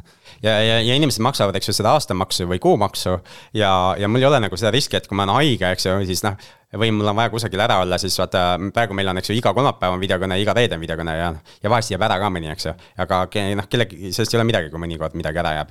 et, äh, et on järgmine nädal siis või, või mingil teisel ajal. et see nagu annab hästi palju paindlikkust juurde äh, mulle ka. pluss tulud on ka stabiilsemad ja kulud on nagu väiksemad. kuigi kulud ei ole null, et paljud arvavad, et kulud on null, aga kui sa teed nullkuludega seda internetikoolituse äh,, siis sa tegelikult ei teeni ka mitte midagi ehk et äh, kui ma ei oleks teinud seda viie tuhande eurost kulutust seal alguses äh,, siis ei ole tegelikult oluline, kui hea koolituse ma oleks teinud, sest äh, tegelikult see, needsamad, see maandumisleht ja need kolm kirja, need müüvad selle ära. Kui keegi tahab sulle sinna kogukonda tulla või, või seda videokursust võtta, mis ta, kus ta peab minema? Äh, ma arvan, äkki paneme lingi siia podcast'i juurde või? saab panna linki jah? paneme, paneme lingid, saab, kõik need muud lingid ka, et kus, kus sinna investorite nimekirja saab tulla ja kõik, kõik muud lingid, eks väga hea, et siis on. et kogu, kogukonda saab, saab tulla jah, et paar korda aastas me teeme ka niisuguse suurema kampaania, kus ostame Facebookilt reklaami ja nii edasi et, äh, et see on ka nagu hästi, hästi huvitav on olnud Facebooki reklaame osta näiteks, et lükkad sinna äh, ma ei tea, viis tuhat, kümme tuhat sisse ja siis vaatad, kuidas teiselt poolt paarkümmend tuhat välja tuleb, et vot Siim siukseid asju me oleme ka nagu nende internetikoolitustega teinud. ei ole vaja kinnisvaras raha teenida, et tuleb teenida raha, et, et suunata kinnisvarasse on ju. aga tegelikult see ei tööta nagu kogu aeg, et praegu mul käib ka mingi Facebooki kampaania, kus ma üritan raamatut promoda ja siis seal vist on miinusmärgiga kogu see tulemus. aga kui me nüüd ma ei tea, hakkame otsi kokku tõmbama, vaikselt ma ei tea, mitu, mitu tundi meil juba siin läinud on, et tuleb rekord. kohe saab, varsti saab kaks tundi täis. tuleb rekord ära, jah? tuleb, on juba vist. no vot, et kaheksakümmend, ega siin, kui nii-öelda vanus läheb soliidsemaks, on ju, et siis, siis äh, jääb aeglasemaks juttu jääb kauemaks, et äh, mis tulevik toob, mis, mis su fookus, fookus on, ma saan aru, see kogukond ja, ja kõik need muud asjad, aga, aga kuidas sa ise kokku võtad, et noh, praegust turuolukorda ja kõike vaadates, et äh, kas äh, Peeter istub ja ootab nüüd krahhi, et teha järgmiseid investeeringuid või, või kui aktiivne sa ikkagi praegu oled, et sa ütlesid, et mingi raha kaasamise plaan on, aga et, et millal jälle kuuleb midagi siis? et äh, nüüd on nagu kaks asja, sa küsid ühes küsimuses, et mida turg edasi teeb ja mida mina edasi teen, et, et need on nagu võib-olla kaks e- erinevat asja, ma räägiks võib-olla kõigepealt enda pool, et. et mina nagu enda pool nagu. Ma nagu saan aru, kuidas teised võib-olla näevad mingit edulugu siin, aga ma ise nagu ei näe mingit edulugu veel. et mina näen nagu seda, et ma olen kõrghoone vundamenti ehitanud siiamaani et noh, kui te teate kõrghoone vundamenti, eks ju, peab maa alla minna päris sügavalt ja ehitada see vundament nagu noh, niimoodi, et ta kann-, kannaks pärast.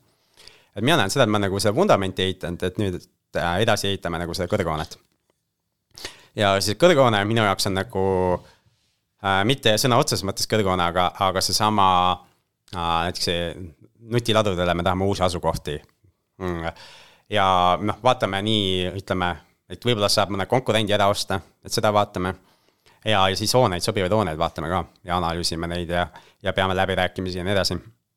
aga noh, ma ütlen, et su Tallinna suure tehingu jaoks eh, meil ei ole täna seda, hetkel veel seda kindlust, et eh, me teame, et miljoni me saaks kokku ikka, aga kahte oleks vaja, eks ju. nii et kui kuulajad võivad tulla nagu listi ja siis saame, saame lihtsamalt kokku võib-olla selle ja, ja, ja teistes linnades me vaatame ka neid asukohti, me oleme teinud endale Eesti linnade nimekirja nagu, kus me neid asukohti vaatame ja kuhu me neid äh, äh, ladusid äh, veel äh, teha saaks. aga see eesmärk ei ole nagu la laod, vaid see on äh, rahavoogu ja kapitali tootev projekt või objekt on nagu see eesmärk. ja algis saab nagu võib-olla kommenteerida, eks ju, et kui sa oled investor sihukeses projektis, eks ju, et kui palju see sinu aega võtab. null. Et sellepärast, et äh, no ma okei okay,. sa ei loe isegi neid kvartali selles aruandeid mõttes null, et kvartali aruanne tuleb korra kvartalis ja, ja., ja see nagu läbi vaadata, seal on väga ilusasti graafikud ja selgitav jutt on juures nii eesti kui inglise keeles. algisele meeldivad pildid, et kui pildid on, siis, siis ta saab aru. nagu ja ma alati panen need äh, nii-öelda halvad uudised ette ja, ja, ja siis head uudised on et selles lõpus. mõttes, et noh, ma ei tea, see on mingi kümne-viieteist minuti lugemine korra kvartalis, et ega, ega see on rohkem ei lähe, et et äh, selle kohta kehtibki see võib-olla tõde või, või mingi kuldasi, millest või- võib-olla oleks võinud ka alustada, et et äh, passiivne tulu eeldab aktiivset äh, seda investorit või aktiivset haldurit. mina kirjutasin üks kuu Peetrile, küsisin, et ma ei ole saanud aruannet, kus on eelma- eelmise kvartali aruanne, vot nii, Siim, et äh, siis tuli. oli nii või? see, see midagi, vahest inimesed küsivad nagu, et, et noh, see on, ma olen öelnud, eks ju, et vaata, et ma jooksvalt ei kuluta nagu aega selle suhtluse peale, eks ju, kui kellelgi küsimusi on, siis vastan. aga et aruanne tuleb korra kvartalis ja, aga meil ei ole, mul ei ole mingit kindlat kuupäeva seal paigas, et kuna see, me oleme väike meeskond, eks ju, siis äh, vahest või, võib selle aruandega natuke rohkem ega, ega ma ei teadnud ka, et millal ta tulema peab, ma lihtsalt vaatasin, ma ei ole saanud, siis ma kirjutasin Peetrile, ütlesin, et kuule, kas ma ei ole saanud või pole tulnud, et just, ja siis tuligi natuke hiljem, eks ju, et äh, aruanne kindlasti tuleb, eks ju, ja, ja, ja noh, selles suhtes kõik läheb nagu hästi, et äh, raha on seal kõik nagu minu kontrolli all, nii et kuule, aga sa oled ju kogu aeg pikalt kriisi oodanud, kuidas sa nüüd siis plaanid osta praeguses turuolukorras ikkagi, et, et aga siin, siin on teine tõde, eks ju, et äh, igal ajal on nagu häid tehinguid ja neid head tehinguid tuleb üles otsida. ehk et äh, kui ma vaatan nagu, kui me vaatame näiteks seda, ma ei tea, mitu miljonit, paar miljonit vajavat tehingut ka, siis me vaatame seal nagu ärikinnisvara, kui ma õieti mäletan, see ruutmeetri hind oli seal kusagil kuuesaja euro juures. Kui sa mõtled täna nagu, ma teist ei saa aru, kas te ostate viie tuhande eurose ruutmeetri hinnaga mingeid kortereid, eks ju. noh, mina vaatan ikka nagu seda neid numbreid, mis alla tuhande on ruutmeetri kohta. aga see eeldab ikka hästi suurt summat, eks ju, ja see eeldab seda plaani nagu, et mida sellega siis peale hakata. et ja, ja, ja teistes linnades samamoodi, eks ju, et, et noh, tulebki leida siis midagi kiiksuga, midagi, kus on jama. noh, mingit probleemi osta ja seda probleemi lahendada siis. Probleemi osta, see kõlab päris hästi. aga ma olen alati probleemi ostnud, kui ma ostsin neid suuri kortereid ka, siis see oli probleem, eks ju, kui ma ostsin neid kahetoalisi, mis mingit renoveerimist vaja, ma kogu aeg ostangi probleemi. aga seda meil, meil siin saadetes ongi hästi paljud külalised ja, ja me ise ka oleme eelmine saade ju Raplas lasteaias. just, just, et ja... kinnisvarainvestori asi ongi neid probleeme lahendada, et selle eest talle makstaksegi lõpuks ja, ja see ei ole ka nii absoluutne, kunagi ma ütlesin, et ainult nii saab investeerida, aga tegelikult saab ju investeerida nii ka, et, et mul on raha, raha kontol ja, ja siis noh, tuledki minimalisti ja ootad järgmise projekti ja vaatad, palju sa sinna panna tahad, eks ju. teed, teed, paned allkirja ja kannad, teed ülekande ja, ja ongi tehtud. ja siis edasi ootad nagu laekumisi ja saad ka laekumisi. ja, või teine variant on see, et ütled, et ei, ma tahan ikka enda nimele saada seda korterit või kinnisvara otse, sest noh, minul sa saad osaluse ettevõttes äh,, mis selle kinnisvara omab siis. et siis on ju variant helistada algisele ja öelda, et mul on siin, ma ei tea, mis, mis see miinimumsumma on, mida vaja. mulle võib alati helistada ka, jah. ja et mul on see sada tuhat või kakssada tuhat või kolmsada tuhat kontol, eks et algis, mine osta mulle korter, eks et, et ei pea olema nii aktiivne, aga kui sa tahad kapitali kasvatada, kui sul ei ole nagu seda kapitali veel olemas, eks ju, seda sadat, kahtesadat, kolmesadat äh, tuhandet. Äh, või see ja, ja tahad kinnisvara kindlasti omada, eks ju, siis, siis on vaja aktiivsemat tööd teha alustada siis sada protsenti laenudega ja nii edasi, riskida rohkem ja olla ise see aktivist, kes selle asja kokku paneb ma tahakski siia lõppu küsida, et äh, nii palju ma tean, et kunagi, kunagi sa soovitasid, et kui keegi tahab kinnisvarasse investeerimisega alustada, et siis tuleks nagu sada objekti läbi käia ja, ja valida sealt mm. -hmm. no me kõik teame, mis täna turul toimub, on ju, et noh, siin pakkumist on vähe ja, ja, ja. sadat objekti ei ole enam või? ei noh, objekte on, on ju, aga noh, võib-olla, et ütleme, et, et kuskil võtta nii-öelda võrreldavas segmendis sarnaseid asju, et ei ole võib-olla nii lihtne leida, et no aga ülesanne jääb samaks, jah? ülesanne jääb samaks, siis seda ajahorisont võib võib-olla muutuda sellest, et kõik asjad on juba bronnis või, või notaris. siin on see küsimus, Algis, kas sa, äh, kas anname ülesande ühiselt või jälle ainult minu poolt? ei, mina tahtsingi et... küsida seda, et, et kas see sinu tänane, kas see sinu kunagine soovitus pädeb täna ka või, või mida sa soovitad nendele meie kuulajatele, kes praegu võtavad hoogu, et alustada kinnisvarasse investeerimisega? no ühesõnaga, et kõik maklerid siis ikka teada saaks, kes Peeter on, siis äh, sama ülesanne, et äh, üheksakümne äh, päeva jooksul sada objekti ja siis tervitage maklerit minu poolt ja, ja mis see point on nagu sellel ülesandel, eks, et see ülesanne, mina ei mõelnud seda välja, võtsin ka jälle Kiyosaki kuskilt, ma ei tea, programmist või asjast ja tema ei mõelnud ka seda välja, temale anti kunagi sihuke ülesanne. ehk kui sa alustad, sa pead teen-, treenima ennast ja, ja kõigepealt on nagu, sa pead õppima nägema. sa pead õppima tunnetama sa pead õppima äh, lõhna, lõhna nagu sisse hingama. mida hullem, seda parem jah, see on see reegel jah, tavaliselt. ja, ja, ja seda sa ei saa teha nagu portaalis surfates, et sa pead minema koha peale. ja kui sa tahad osta näiteks, ma ei tea, kahetoalist Mustamäe korterit, siis mine ja vaata kõik need läbi või Lasnamäe kahetoalist, eks ju, mine ja vaata kõik need läbi. aga.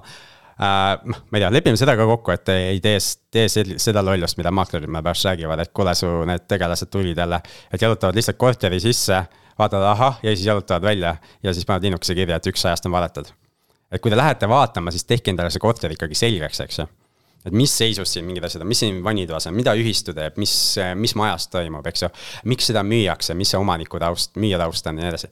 kõik see tehke endale ikkagi selgeks see üks objekt ja siis minge järgmist vaatama, mitte nagu äh, niisama noh, et maklerite aega kulutama saade number kolm äkki oli meil see Siim või, kuidas leida sobiv investeerimiskorter ja seal on checklist olemas, kui, kuidas mida küsida ja mida vaadata, kui sa. väga hea, just, kuulake kolmas saade uuesti ära. tehke see töö nagu ära, et ma, ma rääkisin kunagi, et ma maksin nagu selle eest, et koolitusele minna, et, et õppida, kuidas kaardistada objekti. et see põhimõtteliselt seesama kaardistamine, et sa kaardistad enda jaoks seda ja, ja mõtle läbi nagu, mis see äriplaan oleks siin. kuidas ma saaks selle asja tööle panna kas siis kohe välja üürida või renoveerida, välja üürida või siis äh, need, kus on hea lõhnaga peldikud, eks ju, mis sõna peldik sõna pärineb ka Toomaselt kunagi tutvustas, et see on niisugune ametlik termin korteri iseloomustamiseks, peldik. et siin... äh, kui, nii, kui te kunagi satute sellisesse korteritesse, siis tehke jess ja ostke ära. jah, võib-olla ostke ka ära jah, et äh, et te tunnete ära selle kohe, kui te peldikusse satute, et siis äh, no tehke enda nagu selgeks ja mõelge läbi nagu, sest muidu see ei ole treening, muidu see on lihtsalt nagu eskurseerimine ja, ja teiste inimeste aja raiskamine. ma sellest treeningust võin rääkida, mul äh, viimase nädala jooksul kaks juhtumit, kus ma olen tahtnud minna korterit vaatama, on lõppenud niimoodi, et esimesel juhul äh, saatis mulle omanik äh, kohe meili vastu, ütles, et hind on tõusnud neliteist tuhat, et kas te olete ikka huvitatud vaatama tulemast. siis ma ütlesin, et aitäh, ei ole enam. ja siis teine oli niimoodi, et siis, kui mina jaole sain kuulutus oli võib-olla poolteist päeva üleval olnud, siis öeldi, et meil on juba ostja olemas, et, et ei ole mõtet tulla. sellepärast ma selle küsimuse püstitasin niimoodi, noh, et tänane turuolukord on lihtsalt selline, et et kerge FOMO on üleval ja, ja kipuvad asjad väga kiiresti ära minema lihtsalt, et võib-olla teed omale seal Mustamäe kahetoalistest neljakümnese nimekirja, mida siis vaatama hakata minema ja võib-olla kümme tükki saad näha ainult sellepärast, et ülejäänud on juba aga seda ei pea nii tegema, nagu mid, kuidas mina seda kunagi tegin, oli see, et siis mu abikaasa käis tööl veel, eks ju, ja siis me käisime õhtuti vaatamas iga õhtu kahte korterit. sellepärast, et kui sa liiga palju järjest vaatad, sul läheb kõik segamini.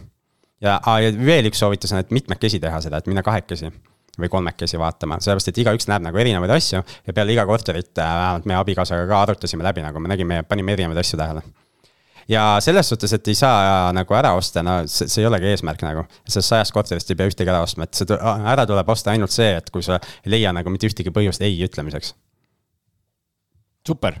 kuldsed sõnad siia lõppu ju. jah, ja nibin-nabin, aga kahte tundi täis ei tulnud, aga noh, palju puudu ei jäänud, võib-olla veeretame meil siin väikest kinnisvara juttu no,. ma arvan, me leiaks neid küsimusi ja me võiksime veel rääkima jäädagi, aga. meil oli tegelikult äh, Peetriga veel tulemas. jah, et, et kui, kui me juba Peetri kohale saime, siis, siis võtame mehest maksimumi ja saame etteruttavalt ära öelda, et ka järgmises saates on, on meil külas Peeter siis ja. kui mees veel jaksab muidugi. ja, ja võtame erinevad maksuteemad ja asjad, et kuna Peeter ka siin maksukoolitust ju inimestele teeb ja maksukogukond on tal olemas, et siis äh, siis võtame sealt ka maksimumi veel, nii et, et tuleme, paneme teise, teise samasuguse otsa. just ja proovime need boonusosad ka linti saada, kuigi ma enam ei mäleta täpselt, millest me pidime seal rääkima, aga tuletame meelde. aitäh, Peeter, et tulid. aitäh kutsumast. aitäh, Siim, sulle ka. aitäh sulle, Algis ja aitäh meie kuulajatele, jälle üks juubel peetud, olge järgmised kümme osa ka meiega, siis saate teada, kes järgmises juubelis külla tuleb. tšau. tšau